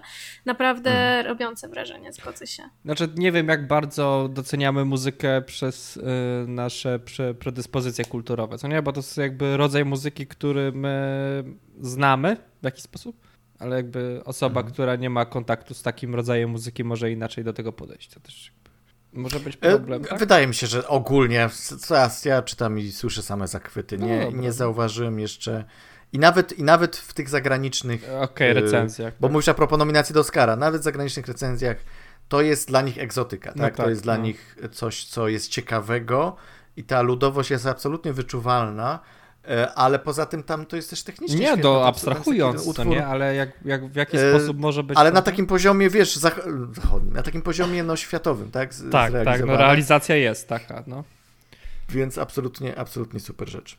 E, szczególnie, że. Ale ludzie już grali w Wiedźmina, więc powinni być przyzwyczajeni do takiej muzyki. Dokładnie. No, no, no. To się staje popularne tak, tak, i ten... międzynarodowo. Mnie to trochę irytuje, ten że. Rodzaj muzyki. Znaczy, zaczynam trochę rozumieć, że się czują Azjaci, gdzie ich kultura jest sprzedawana na zachód i się boję, że e, nasza też będzie tak sprzedana. Ja się nie boję. Nie boję się. Ja ci, może raczej boję się, co Zachód zrobi z tym, z naszą kulturą. Po prostu tego się boję. To jest no, twoje podsumowanie. Tak. to jest podsumowanie chłopów. Nie, no, Właśnie. Nie, bo to było wraca, wraca, a propos muzyki. Nie, dla mnie też to jest niesamowity film i y, dawno tyle jakichś emocji film nie wywołał we mnie i chęci, na, tak jak zacząłem, tak skończę, że naprawdę miałem chęć na pójście i przeczytania tej sześciostronicowej książki i jakby zobaczenia tej historii głębiej i nie wiem, czy gdyby to była, to jest... gdyby to nie, nie było, to, gdyby ta forma nie była taka, prawdopodobnie nie miałbym takich samych emocji, gdyby to był po prostu film aktorski. Okej. Okay. Okej. Okay. Ja, się, ja nie wiem, czy ja się z tym zgodzę, ale, ale okej, okay, być może. E, ja myślę, że ten film e, super podsyca, znaczy roz, w nas e, ciekawość podsyca i jakby nas... Boże, zapomniałem słowa, no teraz mnie żeś zapeszył no, generalnie wzbudza nasze zainteresowanie i nie, czujemy się nienasyceni w takim pozytywnym znaczeniu, nie? że chcemy tego więcej, więc to jest jakby na plus. E, no dobrze, no to teraz moje podsumowanie. Mm, to, co mi się podoba w tym filmie, to jest właśnie sposób przedstawienia tej historii. Trochę jakby takie, no bo jakby mamy tutaj bohaterkę, która tak jak mówię, często jest po prostu tylko obecna w kadrze, właściwie nie prowokuje różnych rzeczy i jakby myślę, że łatwo tutaj pokazać, jak, jak łatwo sprowokować taką małą społeczność, ale też jak łatwo sprowokować różne zachowania, tylko jakby przypisując komuś jakąś, jak, jakiś taki status, yy, mhm. przypisując mu pewne cechy charakteru i jakby jak to wszystko się napędza, tak, z, zarówno mhm. jeżeli chodzi o to zainteresowanie tak. mężczyzn nią, zarówno potem jak już chodzi o to, tą, tą jakąś taką odmianę nastroju, tak, i tak by już y, potępienie tej postaci. Yy, jak bardzo niewiele trzeba, żeby sprowokować takie takie zachowania, tak? I yy, bardzo mi się to podoba. I y, ważne jest to, że to jest w kontekście świata czy świadka, w którym rytuał, y, jakby zachowanie pewnego rodzaju y, nawyków czy pewnego rodzaju stałych czynności, które nie wychodzą poza jakiś schemat, jest jakby istotne do przetrwania, nie? I ta jagna, która się wybija, jest jakby, wybija się tak naprawdę ni, ni, jakby nie wchodzeniem w ten mhm. schemat, i w tym momencie ona, ona może tym samym niewchodzeniem rozsadzić całą tak. wieloletnią tradycję, jakby, która pomagała przetrwać tej wsi w ogóle, tak? I to jest, to jest też yy, bardzo ciekawe. No i to jest siła tego filmu właśnie, ta historia, tak? I, i ten mhm. sposób jej opowiedzenia. A to teraz mam takie pytanie, bo jeśli oni mają jakby w chłopach w książce i w tym filmie może też troszeczkę był były ważne na pewno rytuały, które i rytuały, obrządek, mhm. który te, na tej wsi się odbywał. E, I samo wygnanie i lincz był bardzo schematyczny i jakby zaplanowany. Czy oni tak co roku robią ćwiczenia linczu, tak na wszelki wypadek? Na pewno już kiedyś to robili, Na pewno, mi się wydaje, jakby że, jakby, że byli już przygotowani. Mieli doświadczenia. Tak, byli przygotowani do tego, czyli... Wiesz co, to chyba, znaczy to nie jest, że byli przygotowani, chociaż może, ale wydaje mi się, że to jest y, jakby gdzieś zapisane w jakichś księgach, księgach danej wsi, co się robi, jakby co, to, to jakie są kolejne rzeczy do zrobienia. Bo przecież nawet tam mówi jeden, jeden chłopak do tego Antka, ty wiesz, co oni z nią zrobią? Wiem. Ale, czyli, czyli jest jakiś, też to jest część rytuału, mhm. która najprawdopodobniej miała już miejsce. Tak. I, i Bo on też mówi, on samo, mówi, tak? takie jest prawo, więc jakby. Tak jest prawo, dokładnie. Tak, jakby rozumiem, że no. wieś ma prawo niby wyrzucić kogoś, więc jest jakiś rytuał w tym, tak? Więc to ciekawe. Hmm. Więc jak bardzo często to robią? No prostu jest moje pytanie, jak bardzo często to robią? Myślę, że teraz już tego raczej, mam nadzieję, nie robią tak często, albo nigdy, oby nigdy, e, ale generalnie no... Myślę, że teraz to już jest niezgodne pewno... z prawem. Tak, myślę, że mechanizmy na pewno, na pewno to są też jakby pokazujemy ten czas XIX wieku w Polsce, bardzo, bardzo specyficzny czas też y, politycznie i y, ale te mechanizmy, one gdzieś są dla nas aktualne cały czas, nie? Bo jakby właśnie temat, znaczy motyw kozła ofiarnego i to, jak dana grupa się zachowuje z osobą, która nie, nie przylega jakoś do niej, to jest cały czas aktualne i to oczywiście w różnych czasach inaczej się ludzie z tym rozprawiają, ale, ale to cały czas gdzieś yy, i to jest super, że ten film się na tym skupił i że to potrafił odświeżyć, w, znaczy w sposób taki, mimo że właściwie powtarza teksty z książki, że te sceny są bardzo wierne, to jednak jakiś, czy ta forma, czy, y, czy jakiś sposób budowania tej narracji y, sprawił, że to jest rzeczywiście ma się wrażenie, że to jest taka bardzo świeża opowieść, tak? Mhm. Tak, a jakbym miała coś zarzucić temu filmowi, no to myślę, że tylko o. taką jedną rzecz, że jakby yy, to jest ta tendencyjność, o której mówisz. Nie, trochę też mhm. właśnie, że brakuje takich scen, w których być może dzieje się też coś dobrego, tak. E, wiecie, bo to nawet myślę, że nawet spotęgowałoby jeszcze bardziej ten dramatyzm i być może, wiecie, a, a tak Dokładnie. to możemy mu temu zarzucić, że to jest jakby taka historia od początku do końca. E, I nie mamy, wiecie, żadnych takich momentów z takiej wsi w sumie jakiejś takiej trochę bardziej sielskiej, takiej znaczy, jako, no, jaka jest na tych obrazach. Na samym początku, początek romansu, Za mało. Znaczy, początek romansu przed ślubem Antka i Jagny jest taki bardzo takim wątkiem romantycznym, który w tle miał tą sielankę, ona tam, oni się podrywali, on mówił jej, o chodź tutaj, ona nie chciała, za bardzo, że to... No tak, ale to... to już nosi ten ciężar, wiesz, jakby okay, dobra, w sensie, no. wiesz, no jest jakiś, już jest jakiś problem w tym wszystkim, tak, no tak. nie jest wolnym mężczyzną, ona, ona w ogóle, no... Już się mówi o niej. Tak, tak. już się o niej już mówi, więc, ta, ona więc ma tą to, famę. To nie jest takie lekkie w sumie. No tak, no ale jakby tak, sam obraz raz i sytuacja jest jakby taka sielska. To znaczy te sceny są, bo tak, to nie jest no tak, że to jest oczywiście, no to byłoby, to, to, to by wtedy aż ten, ten film tak pewnie nie uderzył, jak uderzył, ale te sceny są tak, znaczy to wszystko jest tak zaakcentowane rzeczywiście, żeby jednak wydźwięk był oczywisty i być może ta oczywistość jest tutaj największą wadą filmu, która może jest bardzo fajnie pokazująca właśnie sytuację tej Jagny jako bohaterki i tego typu bohaterek, ale też troszeczkę nies, niesprawiedliwie oceniająca środowisko wiejskie, tak? Że, ale też... że moglibyśmy wyciągnąć coś więcej z tego. Ale to kwestia czasu to, jest. No bo na przykład, e... no nie wiem, zarzucamy tutaj tej Jagnie, to znaczy tutaj Paweł na przykład zarzuca no, Jagnie no, brak pracowitości i tak dalej, tak? Ale my też nie mamy takich to scen, offline kiedy zarzucił. one, nie wiem, gotują obiad, kiedy one wieszają pranie, więc my mhm. nie mamy kiedy tego tak. zobaczyć też. Więc nie możemy to tego prawda. też tak No tak, no bo to jest jakby w kontekście gdzieś tam powiedziane. To też no tak, no ale to, to jest też wciąż wiesz, coś, co się mówi yy, o niej po prostu tak naprawdę. No, no może tak być. Ale to być może nie starczyło czasu. Ach, dobra, dobra, słuchajcie, nam też zaraz nie starczy czasu, więc musimy przejść do kolejnych y, tematów. No to mamy za sobą chłopów, teraz przejdźmy do dziadów. What? Halloweenotok!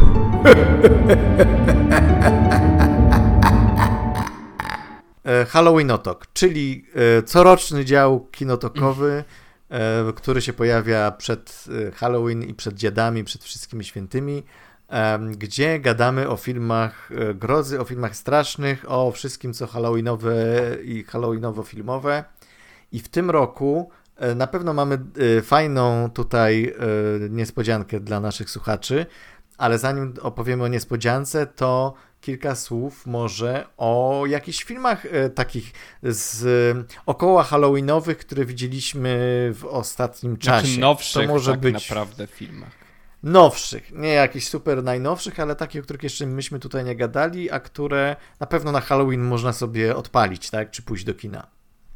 Ja nie przepadam za horrorami, za strasznymi filmami, bo nie przepadam, nie jestem jakimś wielkim, gigantycznym fanem, który jakby to jakby podchodzi, ale zawsze jak są te filmy halloweenowe, to zawsze najlepsze moim zdaniem to są te filmy takie familijne, rodzinne, nawet ten, o którym będziemy dzisiaj rozmawiać e, głębiej, jest filmem familijnym, halloweenowym czy około halloweenowym.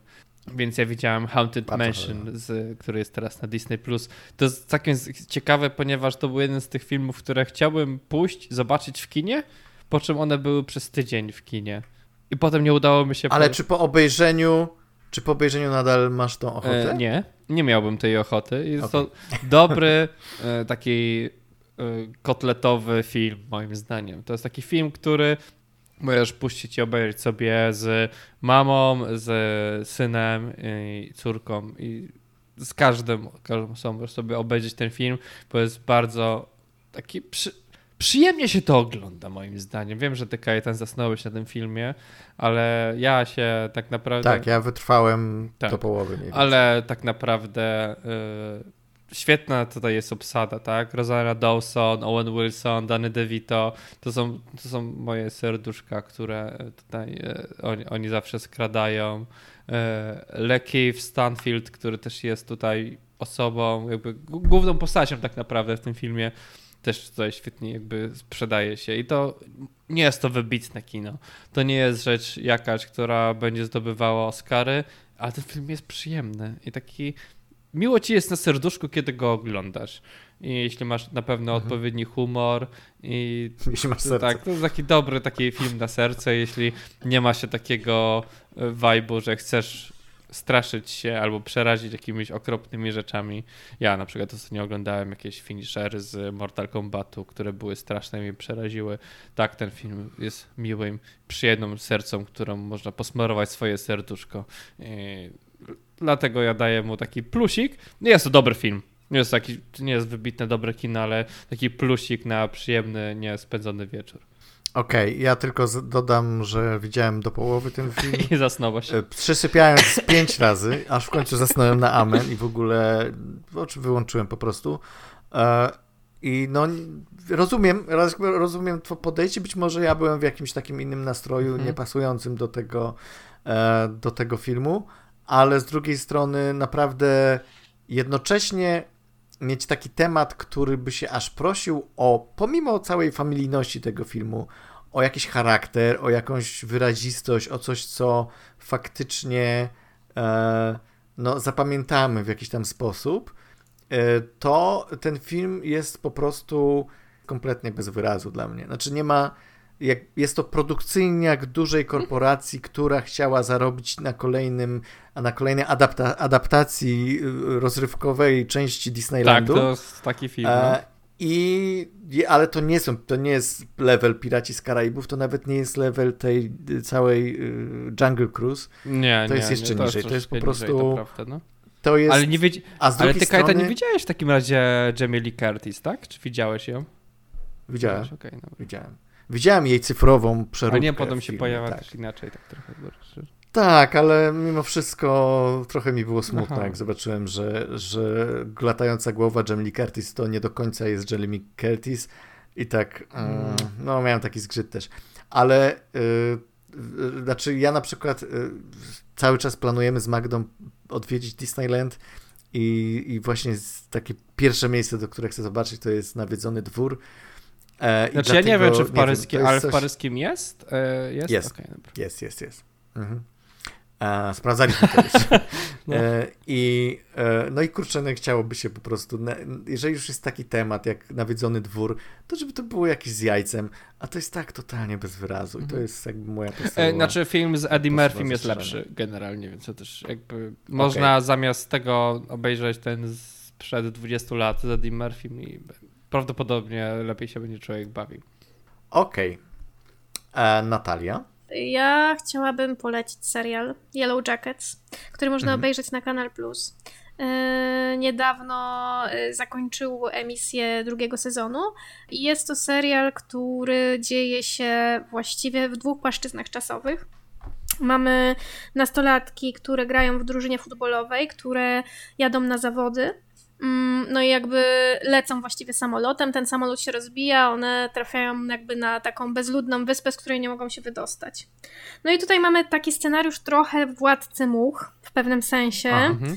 e, tego typu sytuacje. Y, I druga płaszczyzna czasowa, w której dzieje się serial, to one już jako dorosłe kobiety, które już y, w części powróciły z tej wyspy, nie wiemy jeszcze jak to się zdarzyło i mają jakąś wspólną tajemnicę, której chronią, tak? Coś tam się zdarzyło, one wszystkie wiedzą, ale wszystkie sobie przysięgły, że nie będą mówić o tym, co się tam działo. Więc jednocześnie dowiadujemy się w tej płaszczyźnie, kiedy one są nastolatkami, co się tam działo, i jednocześnie mamy ich już losy jako dorosłych kobiet i, i to, jak się borykają po prostu z, z jakimiś tam y, przeżyciami, z jakąś traumą, której tam doświadczyły, ale też właśnie y, są na przykład szantażowane, bo ktoś, y, ktoś tam mówi, że zna ich tajemnicę.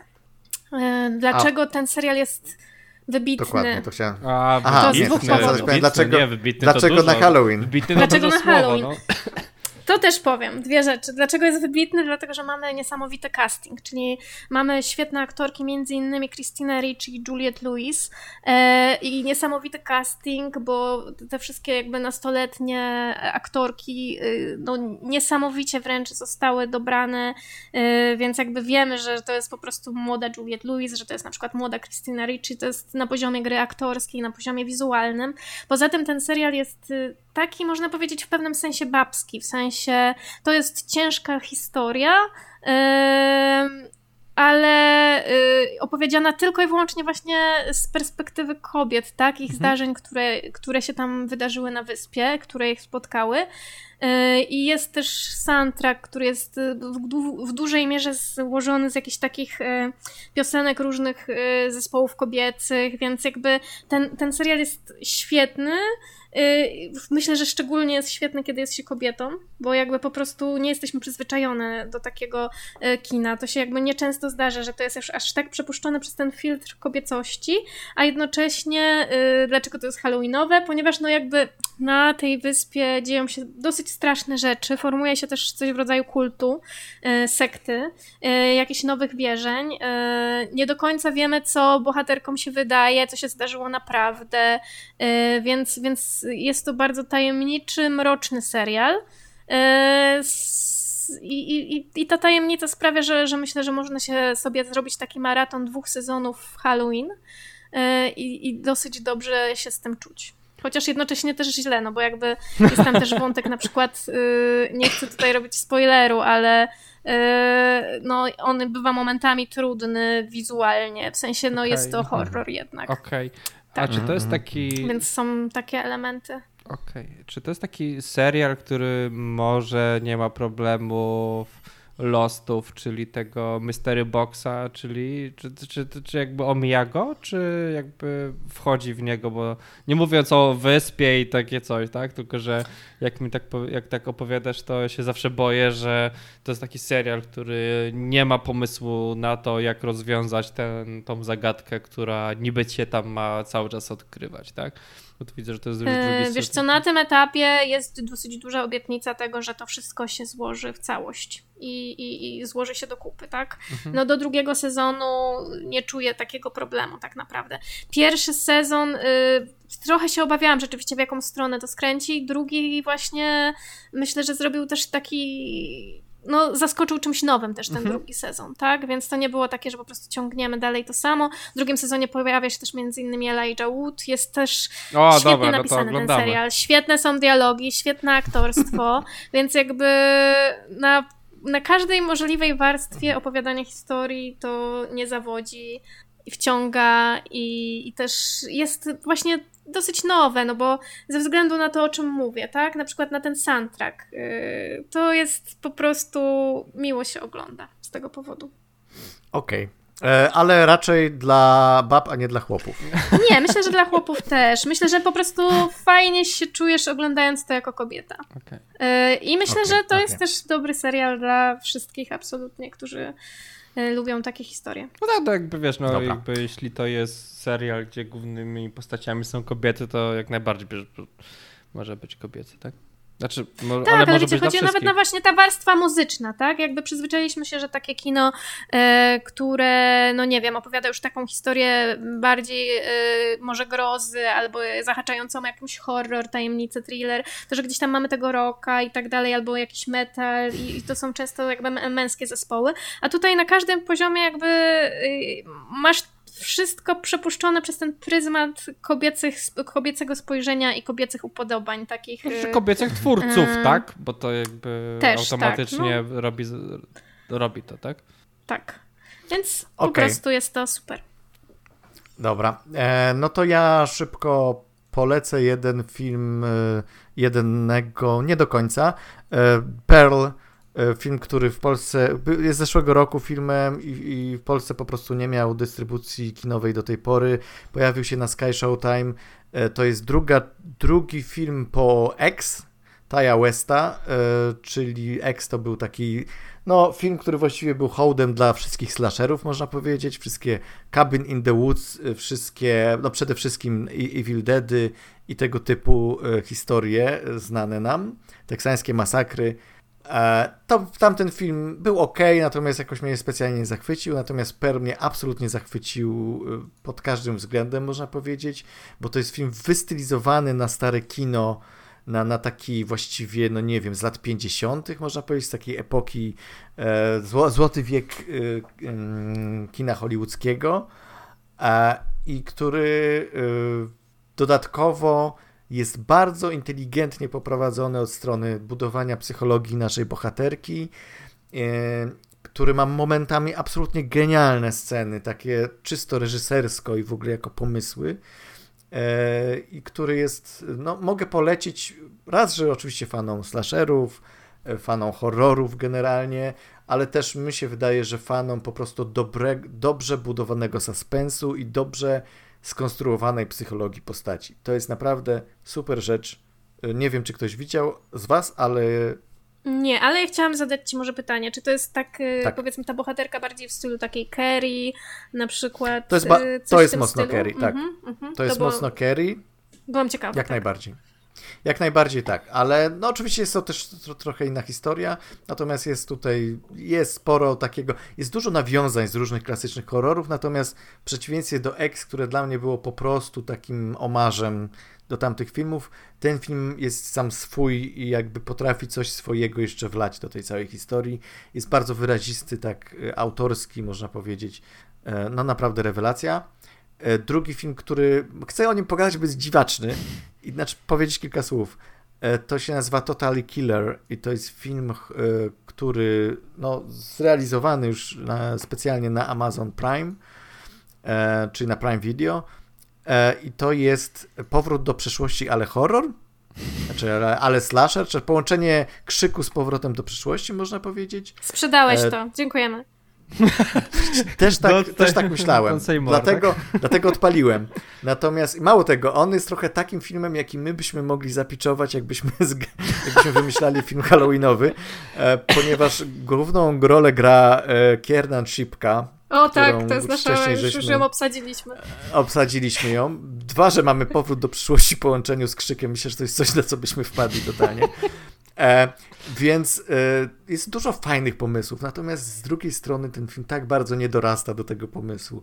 Jest tak toporny dialogowo, jest tak toporny, jeśli chodzi o przekaz, jest tak oczywisty, jak chodzi o zgadnięcie, kto tu jest bad guyem, że tak naprawdę tylko ta Kierdan w miarę podnosi poziom całości, bo aktorsko to też nie jest nic wybitnego. To jest bardzo film telewizyjny i bardzo taki film, który wannabe, y, każdy film, do którego nawiązuje, ale zupełnie nim nie jest i, y, i trochę szkoda. No tro, trochę szkoda, no bo jest... Y, no miałem nadzieję duże. Właśnie po, po tym, jak się dowiedziałem, jaki to jest film, to miałem nadzieję. Jeszcze słyszałem jakieś pozytywne opinie o tym filmie, ale ostatecznie, no ja nie mogę chyba polecić tego filmu. No chyba, że gdzieś tam, to już też pisałem w recenzji, jak, jak jest Halloween, jest impreza, dużo ludzi jest w pokoju i ktoś krzyknie, odpalmy jakiś film na Halloween, to on może sobie w tle lecieć, ale to nie jest coś, co myślę e, przykuje jakoś specjalnie uwagę wszystkich. A jaką byś dał grę taką pijacką na taki film, na ten, na ten film? Co...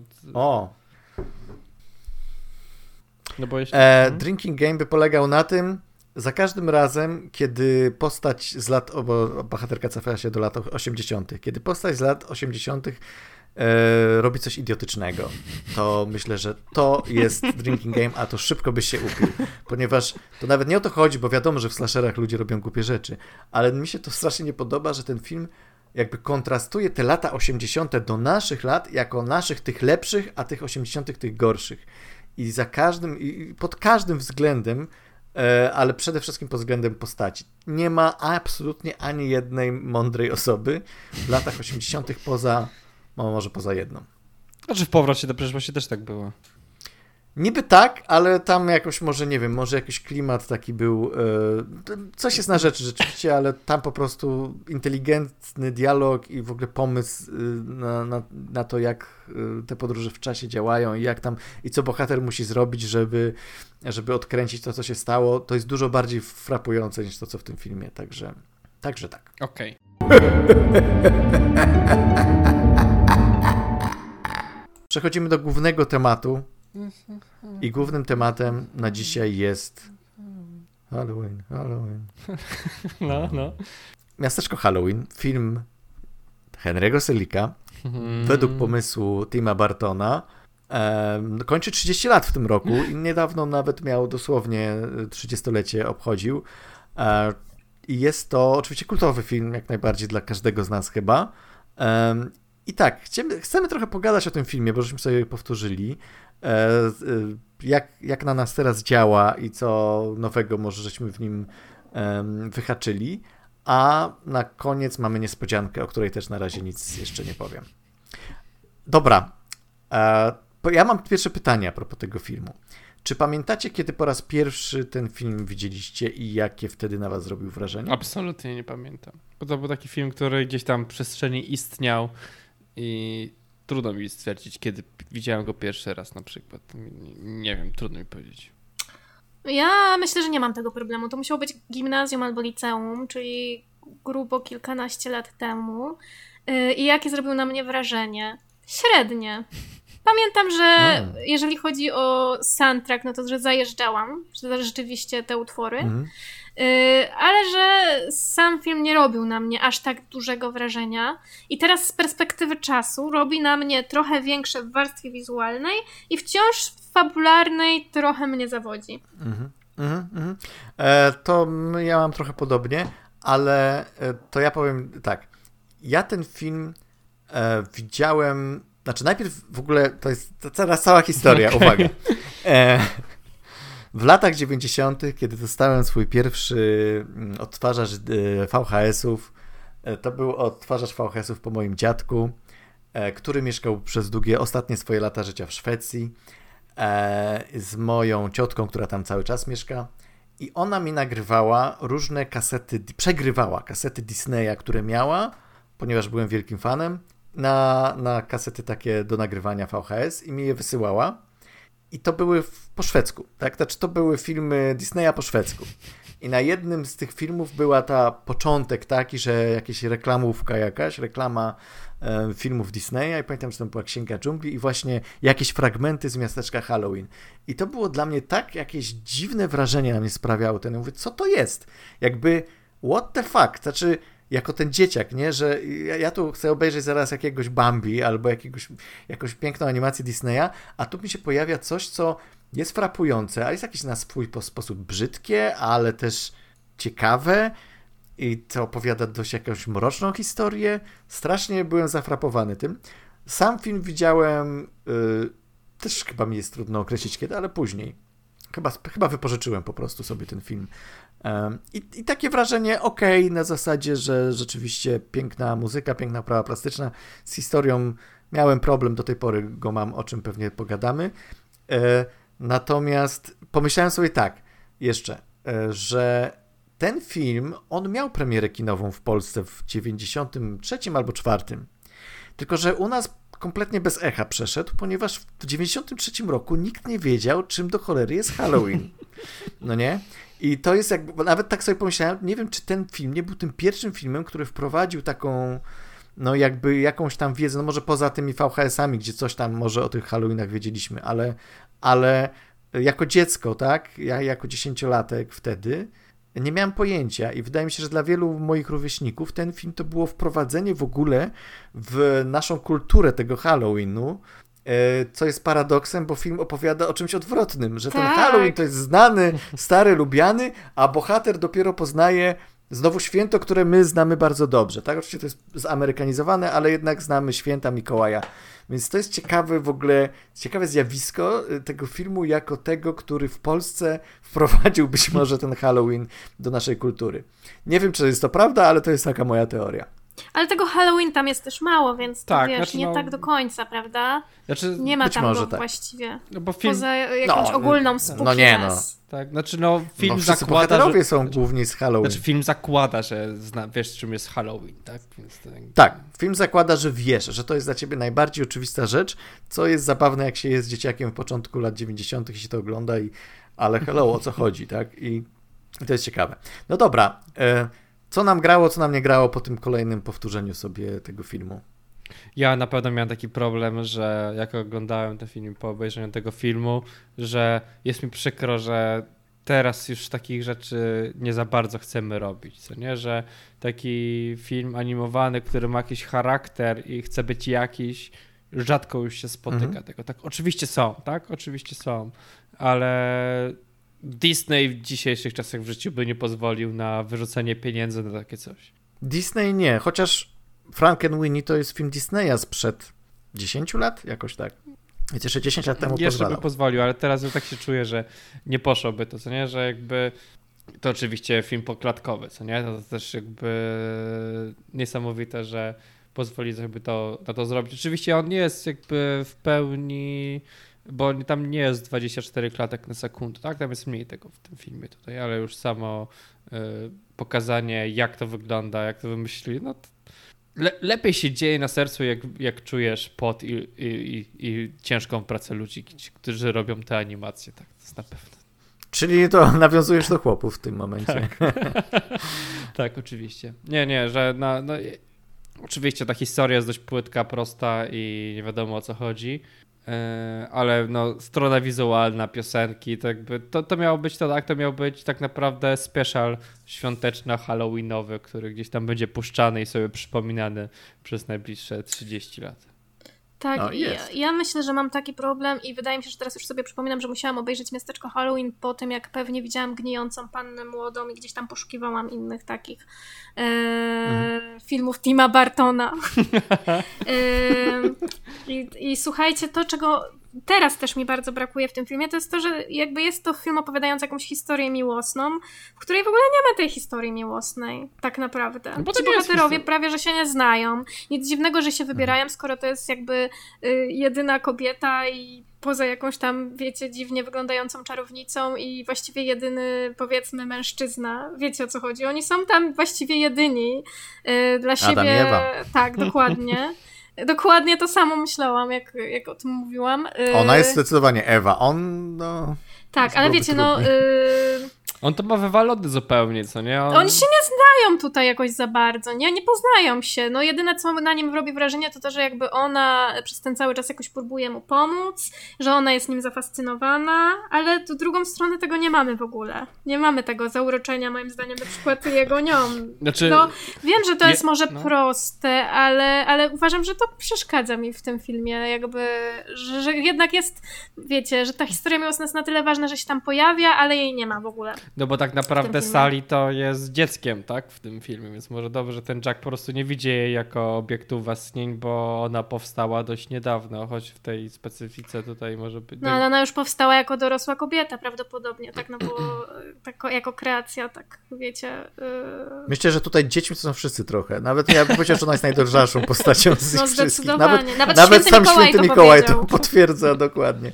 Więc jedyna rozsądna Znaczy on to tutaj. powiedział w Więc- gniewie, więc to też nie można tak... I to Mikołaj, więc No to wiesz, on ma do czynienia z bardzo małymi dziećmi. Ale, ale co chciałem powiedzieć, to to pomyślałem sobie, a co jeśli takie porównanie zrobimy chyba nie do końca, chyba nie do końca jednak y, odpowiednie, ale, ale zabawne. Co jeśli Jack to Tim Burton, a Sally to Henry Selick? I Tim Burton to jest ten, który mówi, ja zrobię tutaj najlepszą rzecz, jestem taki pomysłowy.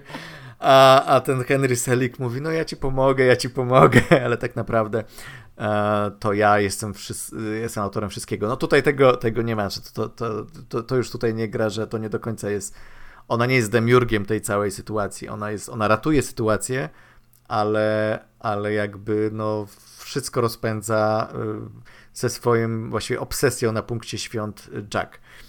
E, no dobra, właśnie, bo e, ja, ja tylko jeszcze tak mogę dodać od siebie, że no dla mnie e, to, to, co dla mnie nie gra w tym filmie, poza wszystkimi rzeczami, które grają, czyli właśnie wizualna strona, no i jednak też porównywanie do tych późniejszych to jest o tyle niesprawiedliwe, że ten był tym pierwszym, na którym potem być może już się już poprawiali wszystko to, wszystkie niedoróbki.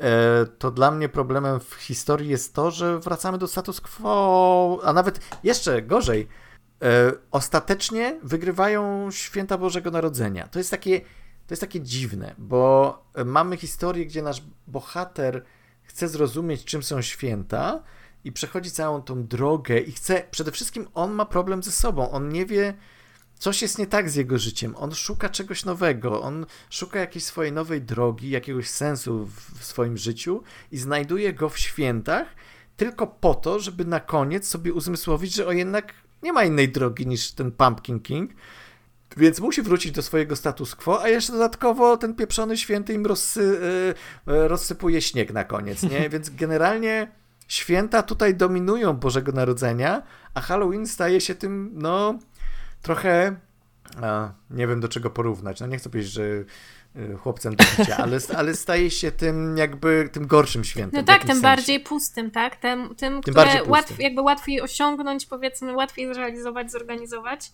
bo nie ma, wiecie, tego czegoś, tego czegoś więcej, tak? Znaczy nie, no znaczy, Tak. bo on sam stwierdza przecież, że ta przygoda dała mu więcej inspiracji do tego, jak można by zorganizować Halloween, tak, że jakby on zafascynował się tymi świętami, ponieważ on sam wewnętrznie miał jakieś problemy i był taki, no, pierwsza piosenka o tym jest tak, że on jest jakiś nie jest przekonany do tego, co ma robić, bo jest jakby w jakiejś pętli powtarzania i robienia cały czas tego samego, więc chce zrobić coś innego. Jak zrobi coś innego i ma jakieś inne doświadczenie, to ma więcej energii, inspiracji do robienia tego, co robił cały czas. No okej, ale to jest jakby. Znaczy, wydźwięk dla mnie jest taki, że okej, możesz robić coś innego, ale bez przesady. W sensie, No. że rób to, co jest w czym jesteś dobry i być może to jest okej, a dla mnie to za mało było zaakcentowane, że faktycznie, że teraz będzie inaczej. Ja, ja miałem takie poczucie, że teraz będzie znowu tak samo, tylko że on sobie znalazł tą dziewczynę. I teraz ta dziewczyna to jest taki symbol tego sensu, którego on szukał. On szukał go gdzieś tam w tych świętach i w tych rytuałach, a tak naprawdę chodziło mu o to, żeby poznał tą ukochaną i jak już teraz ją poznał, to może być tym Jackiem z powrotem i teraz wszystko już ma sens. Taki jest, taki jest No właśnie, tylko że ta ukochana jest mało ukochana. Tak, no bo Wiecie, nie jest... co mi chodzi? Tak, nie ma tak, tej tak, historii tak, to miłosnej jest-. Tak, no bo to nie Mhm, jest historia to miłosna do końca, tak? No bo... Więc gdyby, jakby, gdyby tak to było, jak tutaj rozmawiamy, że rzeczywiście on jakby w trakcie jakby robienia czegoś dowiaduje się, że rzeczywiście to, czego potrzebował, to, co jakby wypełnia jakieś tam braki jego, to jest ona, i jakby ona mu to jakoś zapewnia, to rzeczywiście to byłaby nawet lepsza historia, gdyby rozbudować ten wątek. Cały czas będę Mhm. się upierać, że tutaj tego zabrakło. No być może, tak. Być, znaczy na pewno, na pewno zabrakło, że bo, bo trochę to jest takie z dupy na koniec, tak, że oni się do siebie lgną jakoś w sumie dlaczego. To dlaczego ona to jest jakoś rozbudowane, ale też to jest bardzo pobieżnie, tak, znaczy ona jest nim zafascynowana, bo tak, trochę, trochę jak ta Jagna tym Antkiem, a, a, y, ale dlaczego on się nią fascynuje, tego trochę nie ma. Ja myślę, że on Zakładam, się że- ją nie, aż tak nie fascynuje. On bardziej jakby tutaj docenia jej wkład. On docenia. Docenia to, że ona jest zafascynowana nim. Tak, dokładnie. On docenia, masz rację, on docenia to, że ona jest nim zafascynowana i to łechta jego ego, w związku z tym Tak. e, uważa, że to jest ta właściwa kobieta, bo będzie go zawsze Ale wychwalać. on, ale on też Jest nie ma to- za dużo wyboru do takich Ciekawe. kwestii miłosnych. Jakby, No właśnie, no nie, ma, właśnie. nie ma w ogóle tak żadnej konkurencji tutaj, to nawet, nawet u tych chłopów było więcej y, do wyboru niż, niż ta jedna bohaterka, a tutaj faktycznie mamy tylko tą jedną sali, no i te czarownice, które rzeczywiście Która nawet nie wiadomo właśnie, wiecie, no. Nie wiadomo nic o nich za bardzo. E, no dobra, słuchajcie, więc tak. E, nie wiem, czy, czy chcecie dalej drążyć. Ja mo, może jeszcze tak od strony technicznej, żeby.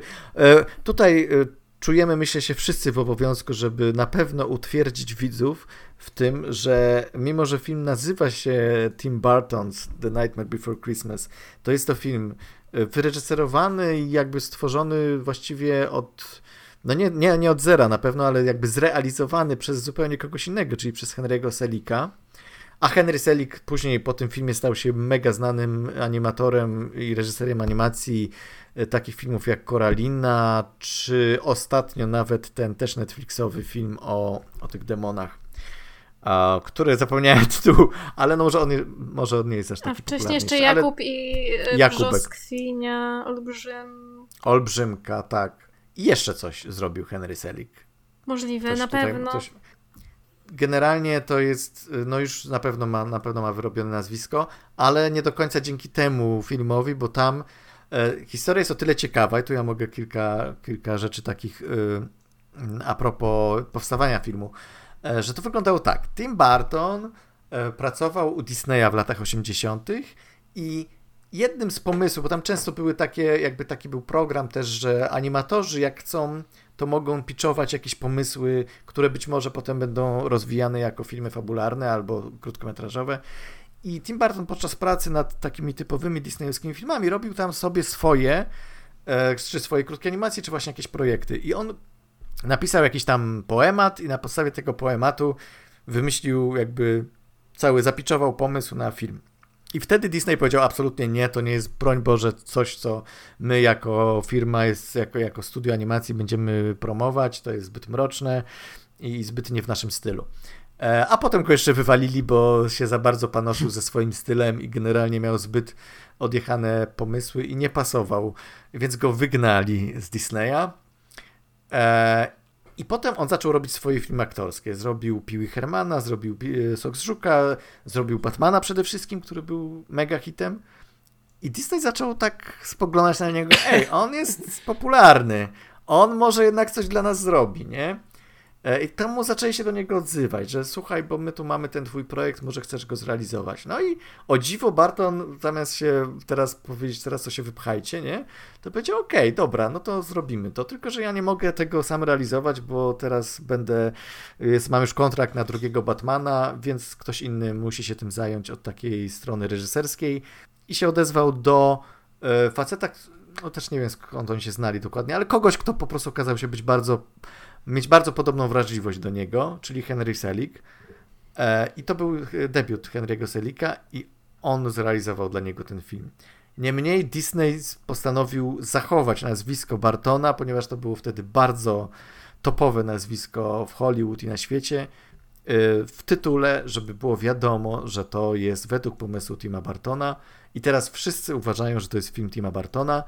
To też nie jest tak, że to nie jest film Tima Bartona, ale trzeba zaznaczyć, że jednak lwią część wykonał e, Henry Selick i o nim trzeba pamiętać. No bo to było tak, że on tam pracował Selek, tak? On na serio tam siedział, był i pomagał przy tym wszystkim, co się dzieje, a Barton tylko tam dał pomysł i... Stoskoku. On jest reżyserem tego filmu, tak? W sensie... Tak, tak. No tak, więc musiał tam Tak, być. no musiał nawet scenariusz nie jest Bartona, tak? Znaczy jest na podstawie. Scenariusz chyba też nie jest. Bartona. Tak. Znaczy, ale on na przykład, jest- to znaczy, jest- ale Barton dużo tam rzeczy y, też jakby stwierdzał, że nie, nie może się tego zrobić, tak, że jakby miał tą władzę i mógł, No, był e, No tak, producentem, tak. już na przykład w org... To może, wiecie, ciekawe jakby tak nie było, to czy to by nie był lepszy film. Znaczy, w Może. jednych z pomysłów było spowodowanie, że Ugi Bugi ostatecznie okazuje się być doktorem tym y, Finkelsteinem. Co O, znaczy mi się wydaje, że pomysły Bartona to nie było to, co osłabiło tą historię. Mhm. Mi się wydaje, że studio Disneya to było to, co osłabiło tą historię, Pewnie które tak. prawdopodobnie też się wtrącało i mówiło nie, bo musimy pamiętać, że to ma się dobrze kończyć, musimy pamiętać, że to jednak ma być z akcentem na święta Bożego Narodzenia, musimy pamiętać o tym, że musi być historia miłosna, sztampowa, bo sztampowa, ale musi być. No i, i po prostu wydaje mi się, że wszystkie te minusy tego filmu to jest kompromis y, związany z Disneyem. Jednak.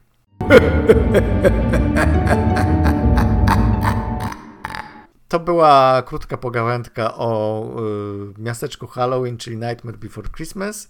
A teraz niespodzianka Halloweenowa, e, na którą wpadł Paweł i myślę, że wszyscy uznali, że jest naprawdę Bo na początku mieliśmy, tak pomysłem. jak ostatnio, jak była Natalia, wymyślać nowy film Halloweenowy, ale stwierdziliśmy, że. Ale on już został wymyślony, już Aha, no mówiłem tak, o nim, tak, to jest tak. Totally Killer, E, więc, Więc tak samo nie ma... jak powiedziałeś, nie powinniśmy więcej wymyślać filmów, bo okazuje Bo się, że są słabe, pomysły. jak potem je robią. Albo są słabe, dokładnie. A przepraszam, E, ja uważam, każdym- że nasz ostatni film nie był słaby. Bo jeszcze Ja go nie też uważam, zrobili. był znakomity. Ale w naszych głowach zrobili i dostał pięć Oscarów. W każdym razie, ale tutaj też troszeczkę przek- mam, mam taki pomysł, żeby podejść do tego też tak przekornie, a propos jak już gadaliśmy o studiu Disneya i faktycznie poczuć się jak te, jak te głowy w tym studiu, które chcą wypuścić ten live action Nightmare Before Christmas i zapiczować go w taki sposób, żeby to chwyciło, nie? E, Bo wydaje mi się, że to będzie zabawne, jak, jak, jak, jak, jak się postaramy e, w ten sposób do tego podejść. Ale może nie, może z tego wyjdzie coś zupełnie innego, może ja tylko będę miał takie podejście, jak każdy z was inne. Tak, czyli tak, Bez Tim no. Burton umiera i prawa do Nightmare Before Christmas są... Jezus, to jest dopiero halloweenowy tak, nastrój, i no. prawa do miasteczka Halloween są w pełnych, brudnych rękach executive producerów z Disneya, więc stwierdzają, że pierwszą rzeczą, jaką robią, to przeglądają w czym Burton im przeszkadzał i patrzą, że Nightmare Before Christmas nie ma jeszcze adaptacji A jest, a jest popularny. popularne i cały cały czas czas. sprzedają merchandise, więc trzeba zrobić wersję aktorską i teraz musimy zastanowić Koniecznie. się, e, jakich aktorów chcemy obsadzić w nowej wersji. Czy zaczynamy od obsady, czy zaczynamy od przeróbek? Może od Nie, obsady, ja bo to zaczęła mamy od już obsady. obsady. no. Obsady, tak, tak. Dobra. Bo, bo z tego, du- Dobra. z tego dużo wyjdzie, co nie? Bo to na co się zdecydujemy, Mhm. bo każdy z nas miał przygotować e, obsadę swojego, e, swojej wersji, a, po, I, go, a I zagłosujemy potem. i będziemy negocjować, jaki, jaką wersję e, zobaczymy. Okej, to ja mam jeszcze pytanie, czy. Bo ja mam po, po kilka dla każdej jedną z musisz. ról, czy wybieram jedną? musisz wybrać. Muszę wybrać Nie, jedną. nie, Okej. możemy o tym rozmawiać. Nie, no będzie- Myślę, To znaczy że... tak, ja. Może zróbmy tak. Każdy powie jedną, jeżeli się okaże, że coś nie tak i na przykład inne propozycje. No ja mam dwie też... tak, że nie mogę się zdecydować, Okej. to... No, ale na razie powiedz Dobra, a nie, dobra, ale tak, ale to robimy tak, że każdy z nas mówi, bo mamy do obsadzenia sześć ról. Mamy Jacka, mamy Sally, Mhm. mamy doktora, jaką miał dokładnie, e, Frankę, Frankensteina, e, Nie. Finkensta, Finkensteina, Mhm. doktora, doktora. Mamy burmistrza, Mikołaja i Ugi Bugi, który jest tak tego... Zgadza Tak się. jest. Zgadza To się, są, tak. to są To po kolei postaci. i każdy z nas y, daje swoją propozycję. Dobra, czyli Jack the Pumpkin King. E, Kto zagra? Ja może powiem jeszcze jedną rzecz, zanim, zanim wypowiecie, że ja się sugerowałem popularnością też aktorów, znaczy ja właśnie chciałem poczuć się jak taki executive w Disneyu, który myśli, ok, kto jest popularny, y, kto by się nadał y, tak wizualnie i kto przyciągnie do kin, nie? Ale, ale Ja to... tak samo, moje kryteria są podobne. Starałam się też mhm. czasami przypominać sobie, kto z nich potrafi śpiewać. Ale nie zawsze Dokładnie, mi to ja wychodziło. Dobra, Jack the Pumpkin King. E, oczywiście wiemy, że już są osoby, które na pewno nie będą w stanie już zagrać, a powinni zagrać tą postać, więc... No bo już Johnny Depp, bo Je... Johnny, Johnny, Depp już jest za stary, żeby go zagrać. Więc, tak, tak. Więc ja celowałem w jakiegoś, na, na, pewno młodszego od niego aktora. Ja uważam, że Andrew Garfield powinien zagrać Jacka Skellingtona. Andrew to jest Garfield, stara okay. osoba. Jest stara osoba. Kontrowersyjna opinia. Jest to stara jest to osoba. Mężczyzna. Oczywiście, że jest to stara. 40 lat, on jest mój rocznik. Ale on umie śpiewać. Ale on umie śpiewać. Znaczy jest stary. To prawda.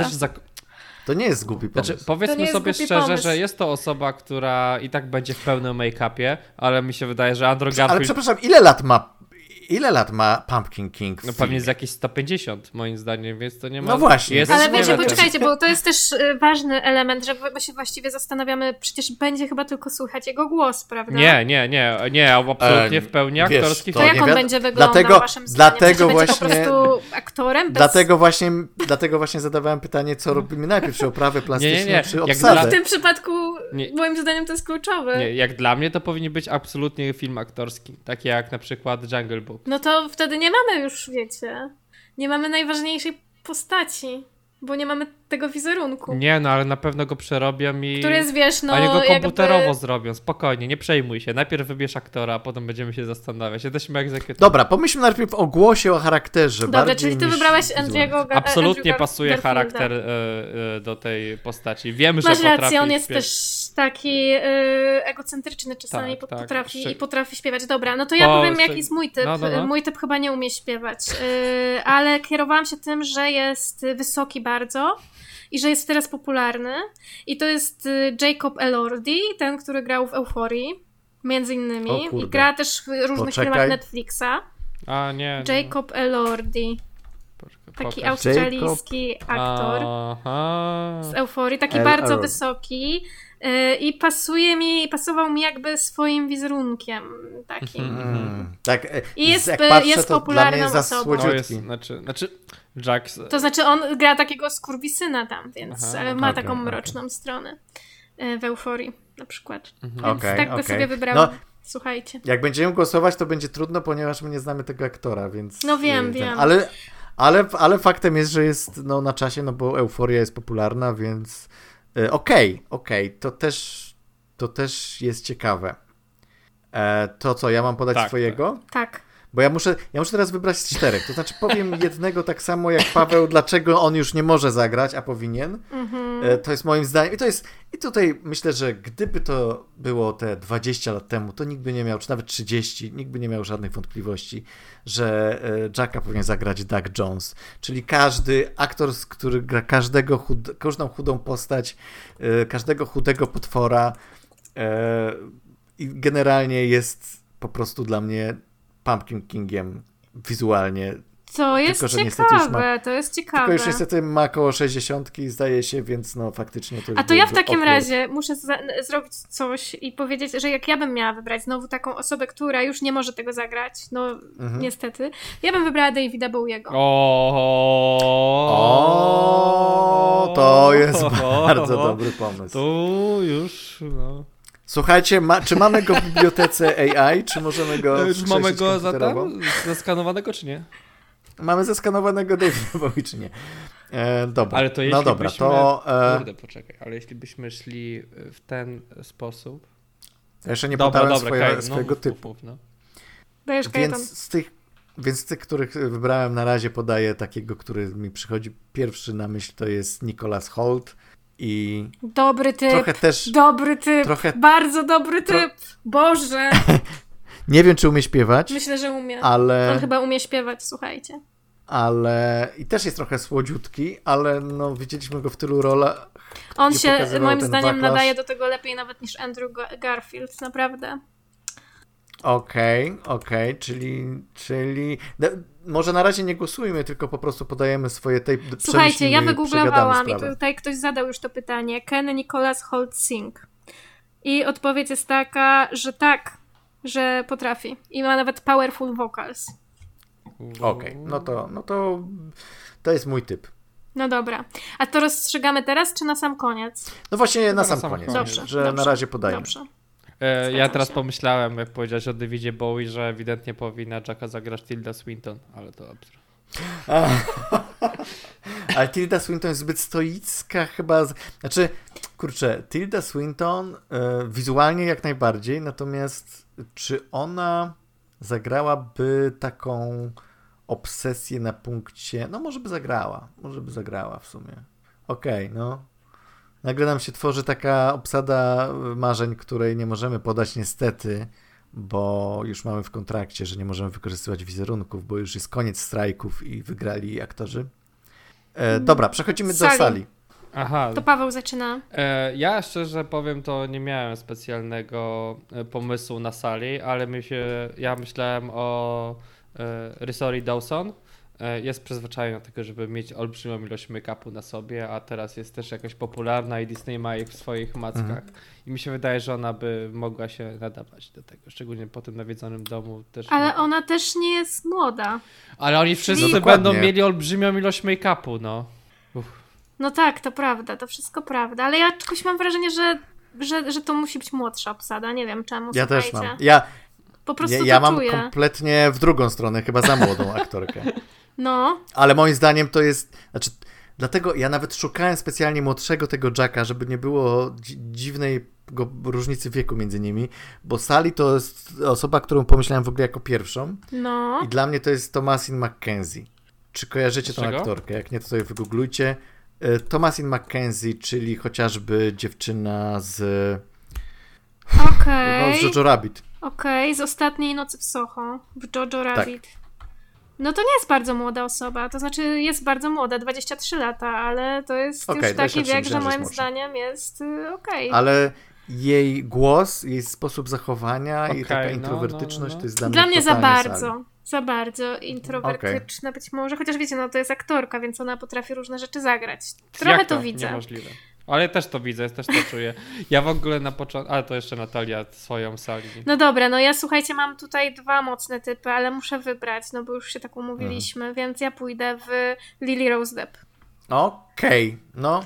Widzę to bardzo w jej twarzy, ten, ten rodzaj mhm. smutku i tak mhm. dalej. Ona też chyba nawet na pewno potrafi śpiewać, więc... Yy Yy, no widziałam ją w tej roli, ale mam też drugą opcję, która moim zdaniem jest bardzo dobra, ale to już nic nie powiem w takim razie. E, to powiesz tak. za chwilę. Jakby w ogóle ale... z tej e, dwójki to ja miałem, stwierdziłem, że całkiem zabawne byłoby zrobienie połączenia Toma Hollanda i Zandai w tych, w tych dwóch rolach.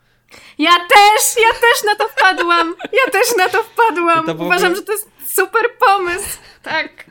I Zendaya nie, jest oczywiście moją drugą opcją tutaj. Aha, no dobra, dobra, no to jeszcze możemy o tym pomyśleć. A, okej, okay, okej. Okay. Ktoś tutaj dużo bo ogląda Zendaya, seriali na HBO jakby chyba. uważam, że bardzo pasuje do tej postaci, bo jakby widzę ją w tej fryzurze, widzę ją śpiewającą te wszystkie utwory, więc... E, więc Dla mnie tak. Zendaya jest zbyt też przebojowa. Się, też A tą Lily Rose Depp trochę no. tak wybrałam, bo wiecie, jest to córka Johnnego Deppa, Aha, no to, więc no jest to... jakiś taki... Wypadałoby. Ja uważam, że Lily Rose Depp jest, jest lepszym typem niż, niż Zendaya do tej roli.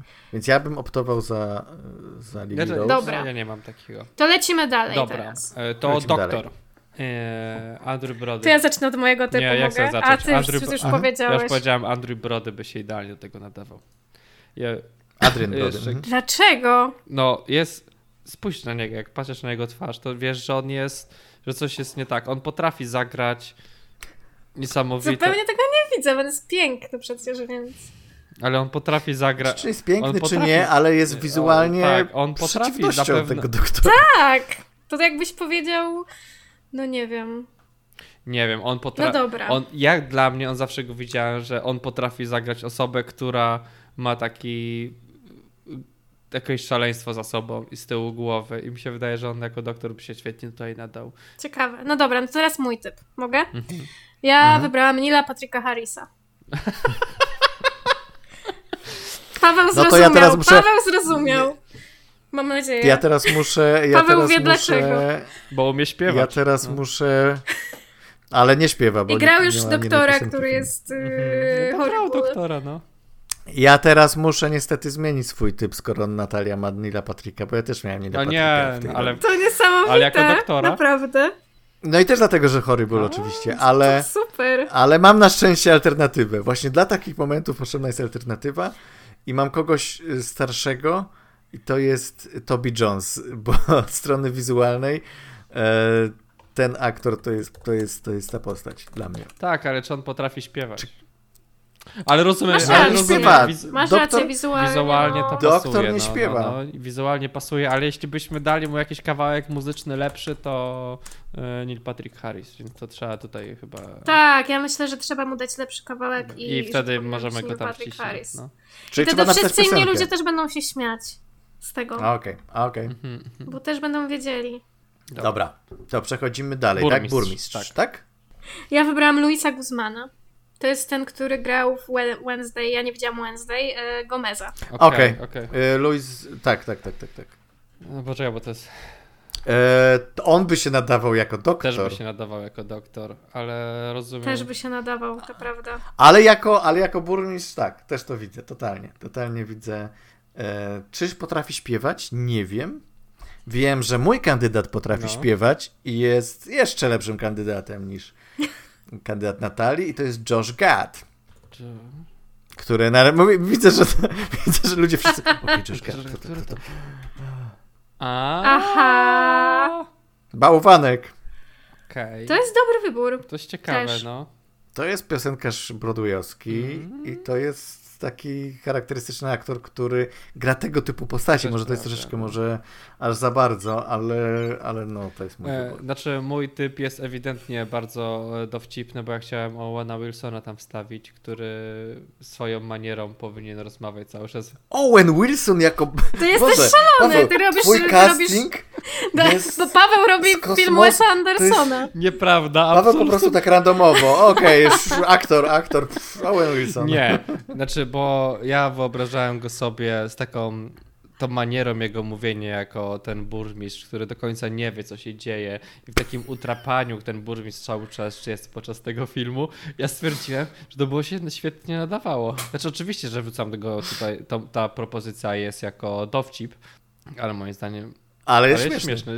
Bo rzeczywiście jest tak totalnie nie taki jak w animacji. Znaczy, jak to nie? Abso- To jest aż ab- zabawne. Znaczy, oczywiście nie Jest- wygląda wizualnie. Paweł, to jest Nie. jakby. Nie, nie, nie wizualnie. To jest tak, jakbyś e, wybrał. E,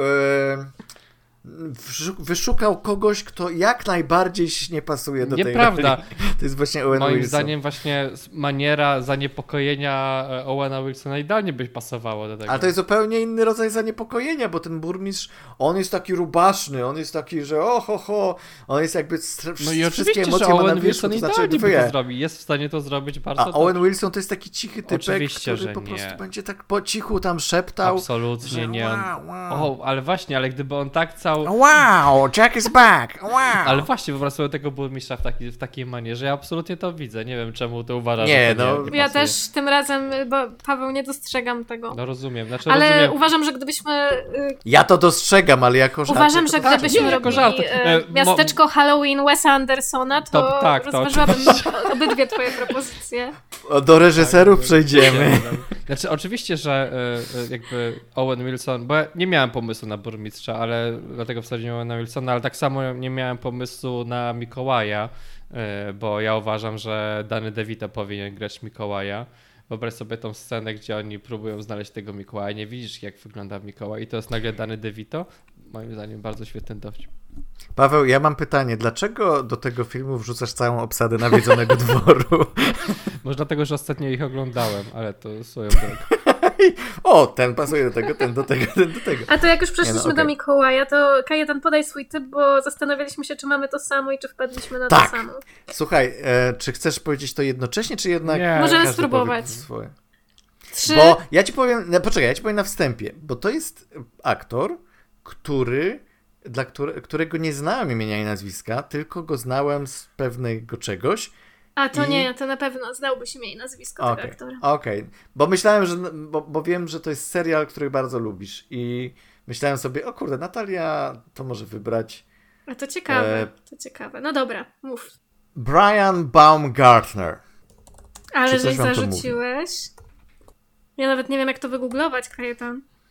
E, Baumgartner. A.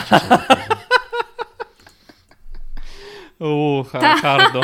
Hardo, Kajetan, hardo. Tak, to jest tak. To jest y, mocna propozycja, no. Ale nie wiem, czy obecnie to... Może tutaj y, chwil, ch- komentarz właśnie, że jest to aktor, który grał w The Office. Tak jest. E, A jak się nazywa ta postać? Kevin. Kevina. No, Kevina. dobrze. Y, No dobrze, no to ja wam powiem, jaki jest mój typ na Świętego Mikołaja, ponieważ uznałam, że to będzie film Disneya i że będzie zabawny, jeżeli weźmiemy innego Świętego Mikołaja z innego filmu Disneya i wymyśliłam Tima Allena. Święty Mikołaj. Tim Allen.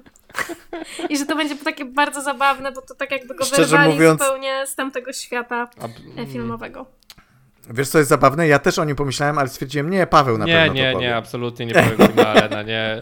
Okej. Bo ja nie widzę tego świętego Mikołaja e, jak świętego Mikołaja Tima Allena, bo w tym filmie ten święty Mikołaj jest osobą, która musi być wyrzucona z tego swojego świata i ty musisz mieć taki efekt wow, kiedy ją zobaczysz. I rozumiem, że Tim Allen może by to zrobił. E, No zrobiłby Zrobiłby totalnie, no bo totalnie. gdyby, gdyby jeszcze zrobić taką modyfikację w tym filmie właśnie, że wiecie, że on jest dosłownie tym Timem Allenem z tego filmu i z tego świata. Mm, crossover, o, No, o, okej. ja czuję okej, potenc- to- A to jest ryzykowne. Znaczy, ja czuję potencjał na, na crossover i na Zobaczmy, jak sobie serial poradzi. Teraz będzie drugi A, sezon okej, z e, tego Mikołaja. e, śniętego. Zobaczymy, jak ludzie będą to oglądać. Em, ale to jest, to, to, to, jest, to jest niezłe. I potem w, wiecie, w którymś sezonie tego serialu mógłby zrobić nawiązanie, że jakby był kiedyś, wiecie, w okej. miasteczku. I robimy Halloween. multiversum. Świąt. Tak. Okej, Uważam, że Okej, no nie dobra, to teraz Tim Allen musi zostać rzeczywiście, no. dobra. Czy Paweł mówił swojego? Tak, no mówiłem, ja uważam, że Danny DeVito nadal powinien być. Ach, Danny DeVito, okej, okej, okej. Dobra. No to została nam chyba E, już d- tylko jedna postać, Tak, nie? czyli Ugi Bugi. Tak, tak. E, Okej, Okej. czy oglądaliście Księgę Dżungli, tą nową? Nie. E, Którą Tą, nową? z, e, tą disneyowską, tą, która też jest wersją taką niby aktor, live, Live action. niby live action, E, ale- Okej, to nie jest... Bo jeszcze potem była jedna, Tak, więc tak, dlatego... nie, tą, tą Disneyową. nową, Kto był najstraszniejszą postacią w tym filmie? Kiedyś to Christopher Walken? dokładnie. Christopher Walken jako Woogie Boogie. Okej. Chris- To, to jest dobre, bo ja go słyszę, jak on Dokładnie, śpiewa To ja piosenkę, też to totalnie. słyszę, to nie jest zły pomysł. No. No, no. dobra, to ja powiem, jaki jest mój typ, bo ja od samego początku wiedziałam, że w tym filmie powinien zagrać Jack White. I widzę go w tej roli, dlatego że był świetnym królem, kupą, y, browserem y, w Super Mario. I po prostu ja słyszę, jak on śpiewa te wszystkie utwory Ugiego. Masz na myśli Bugiego. Jacka Blacka oczywiście. Tak, właśnie. Ty powiedziałeś Właśnie. Black. Powiedziałam znaczy, Jack Jack? White. No tak, to mam na myśli Boże. Jacka Blacka, totalnie. Ale Tak. Jack White, Tak, słuchajcie, tak, nie mów mi Jack nie. White też byłby dobry. Jack White byłby dobrym, y, dobrym Jackiem. Totalnie, Nowy Jack Orlean. White powinien być Totalnie. Jackiem, moim zdaniem. O, Tak, tak, tak, tak, tak, tak. No Ma- tak, bo Mamy przecież to jest prawa do niego, czy nie? E, Da się kupić. Da się E, kupić, da dobra. się kupić. E, Problem z twoim wyborem jest taki, że też miałem Jacka Blacka e, wybranego, w związku z czym, ale będę teraz progresywny i, i politycznie poprawny i wybiorę jedną czarną, jednego czarnego aktora, jeszcze na dodatek e, śpiewającego czarnego bluesa, więc e, e, tutaj to musi być czarny aktor i e, skoro nie Jack Black, mimo że ma czarny w nazwisku, e, to to będzie Jeffrey Wright dla mnie. I teraz Bardziej ze względu na głos i bardziej ze względu na taką. Yy, na to, że potrafi śpiewać, wydaje mi się, natomiast mniej na energię. Bo tutaj Mhm. zdecydowanie Jack Black byłby lepszy. Ale jest czarny, hello. No tak, no oryginalny Ugi No Bugi ja też jednak... był... I oryginalny też był chyba czarnoskórym aktorem. Tak, to prawda.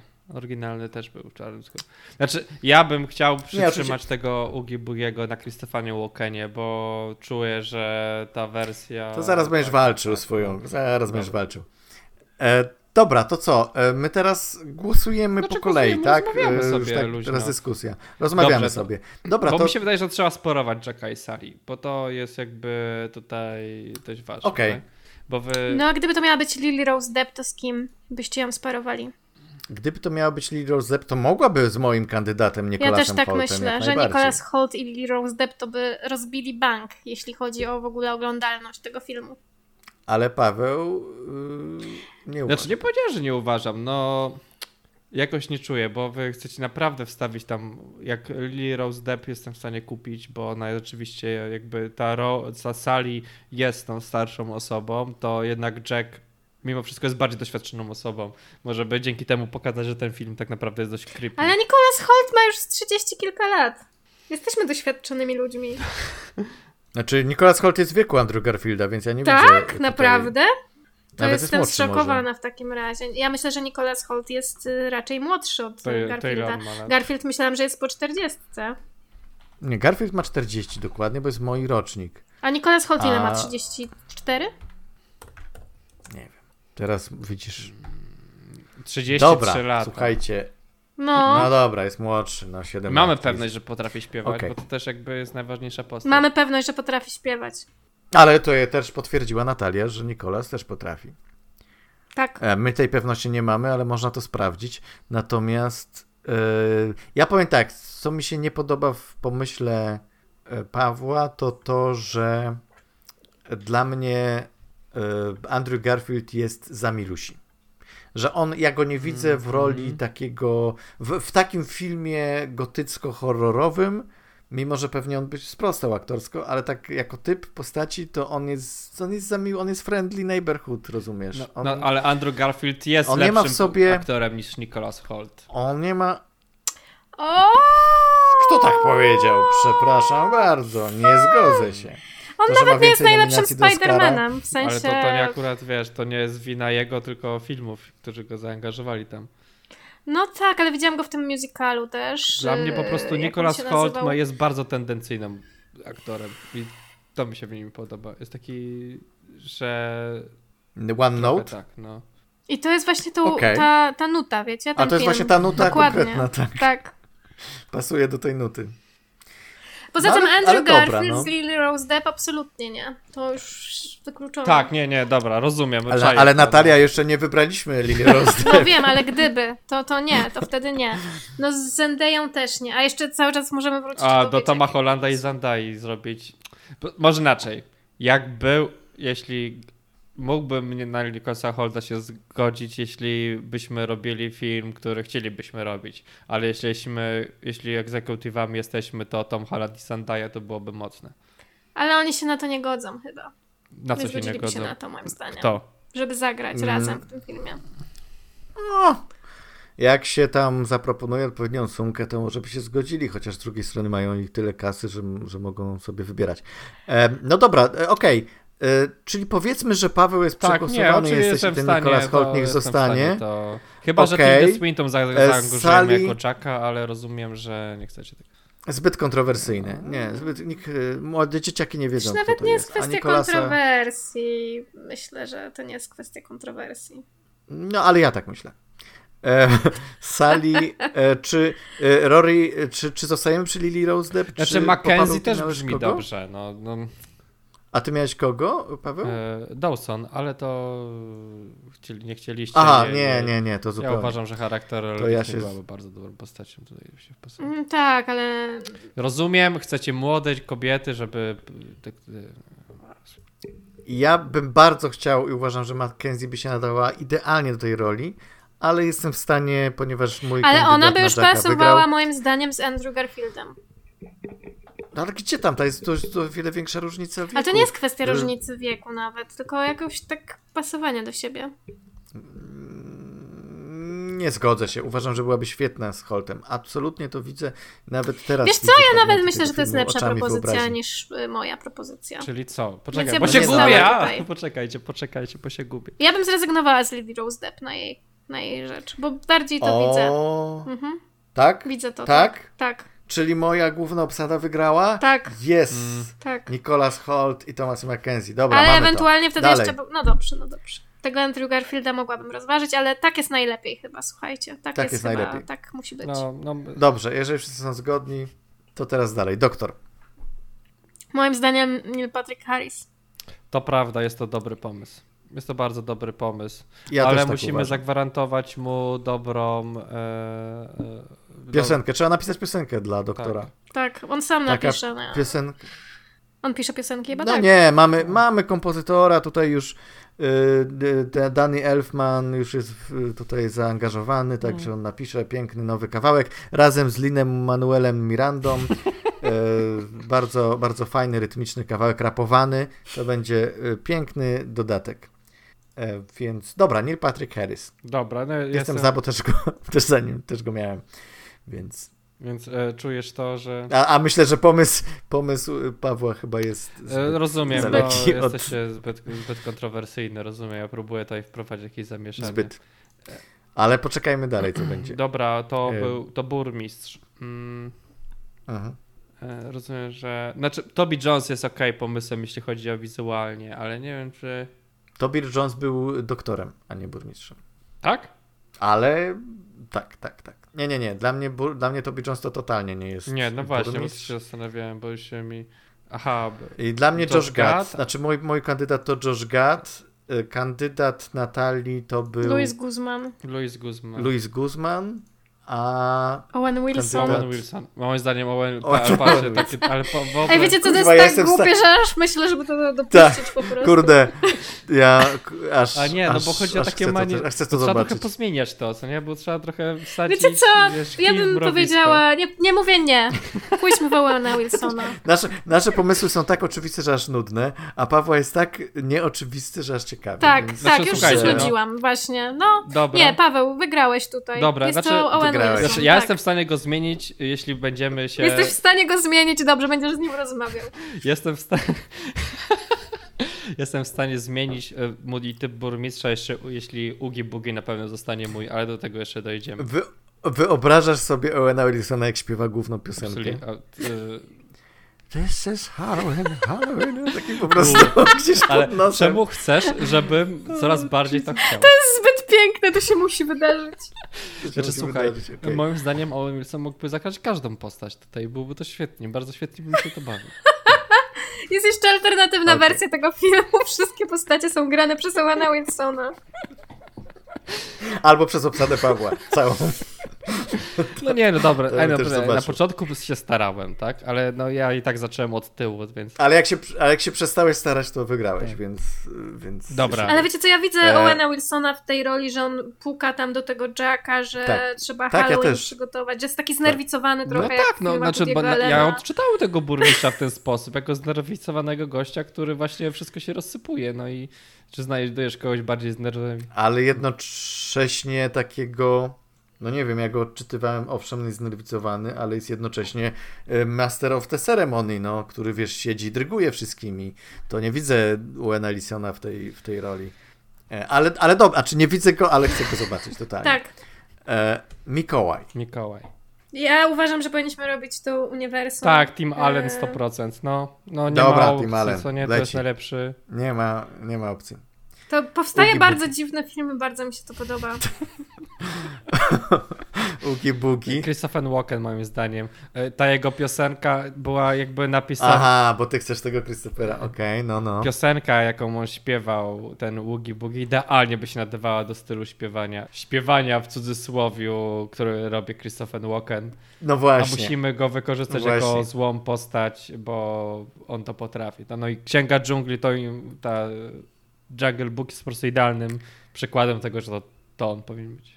Jego tam nawet nie widać. Tak, tak, ale jaki jest creepy, to w sposób, w jaki on śpiewa w tym takim to, e, e, tym takim talking e, songiem. To wiecie, nie? że musimy sobie wyobrazić jakby interakcje między różnymi bohaterami. Mamy Jacka White'a, który wie, wie, Mhm. e, to znaczy, Blacka. przepraszam, czemu ja cały czas mówię o Jacku White'ie? Em, mamy e, Christophera Walkena, który więzi Tima Allena. To jest wizja. Nie mówię nie. Znaczy rozumiem, że... Kajetan, jakby- zgadzasz się? Kurde, ja, Za, ja, ja powoli zaczynam też widzieć to niestety. Ale co zaczynasz widzieć? No bo, bo okej, okay, okay, jeżeli rozwiązujesz worek y, Ugiego Bugiego i tam wyłażą robale, to woli, żeby to był wo worek, który gada jak Christopher Walken czy Jack Black. Sensie Jack, Bla Jack Black nie ma robali w środku, a Christopher Na 100% Walken ma jakieś robale. 100%. Znaczy, rozumiem, że Ugi Bugi jest okay. postacią, która musi być jednak... Y jedna z tych nielicznych postaci, która musi być jakby komputerowo zrobiona, tak? No i, więc... Dobra, jak chodzi, jeżeli to jest sam głos, ja, niech będzie. Ja mam swoich dwóch czy trzech nawet kandydatów, więc, więc dla mnie, dla mnie Ugi Bugi, Christopher Walken. Natalia, jesteś za? Tak, jestem za. Dobra. No to mamy całą obsadę. I ta obsada to, uwaga, e, Jack, e, Nicholas Holt, Sally Thomasin McKenzie, Y, doktor Neil Patrick Harris, burmistrz. Możemy popracować i tylko zmienić rzeczywiście. Owen Wilson, cicho. Mikołaj, y, Tim Allen i Ugi Bugi Christopher Walker. Chcę okay. tylko powiedzieć, że mamy bardzo mało zróżnicowaną obsadę i to już nie przejdzie w dzisiejszych czasach. No właśnie, ja chciałem Jeffrey'a Wrighta, ale nie chcecie, to nie, proszę to bardzo. To z niego burmistrza. Z, z wierchuszką. Jeffrey Wright jako burmistrz? Ale kurczę, co tym Owenem Wilsonem? Nie, zostaje Owen Jeffrey Wilson. Nie, musi zostać. Teraz już poczuję, cały film się na tym opiera. którego nie mogę odkręcić. Ja teraz żałuję, że nie wybraliśmy Adriana Brodiego jako, jako ja też! Pumpkina, Pumpkina. Okazało się, że to jest, że Paweł jest mastermindem jednak tej po operacji. prostu i Wes Anderson niech to robi. Ja pierdolę, tak, ja to widzę. Ej, ej a, a gdyby... To jest dobry A pomysł. gdyby? Nie zatrzymujmy się. Boże, nie zatrzymujmy się z tym. Dobra, czyli, czyli robimy film Wes Andersona. tak. Miasteczko Halloween Wes Andersona. Mm. To wtedy, to wtedy jednak doktorem chyba musi zostać Toby Jones, bo... Albo Tima Bartona i Wes Andersona. Okej, okay, okej, okay, okej. Okay. No dobra, ale taką mamy obsadę i tak zostało. Myślę, że na tym zakończymy. Już nie będziemy się wkręcać w reżyserów. Dzięki Wam bardzo za ten odcinek e, Halloweenowy. E, myślę, że było zabawnie i zapraszamy e, niedługo. Myślę, że po jakimś czasie, bo Paweł jedzie na wakacje zasłużone i życzymy oczywiście wesołych świąt Halloweenowych. Ale na co zapraszasz po tym, jak Paweł wróci z wakacji? Na kolejny odcinek. A, aha. Na aha. kolejny odcinek zapraszam. Bo Natalia nigdy nie dotrwała do końca podcastu, więc nie wie, jak o. się kończy. Okej. Okay. E, żegnają się z wami Kajetan. Natalia. I Paweł. Do usłyszenia. Cześć.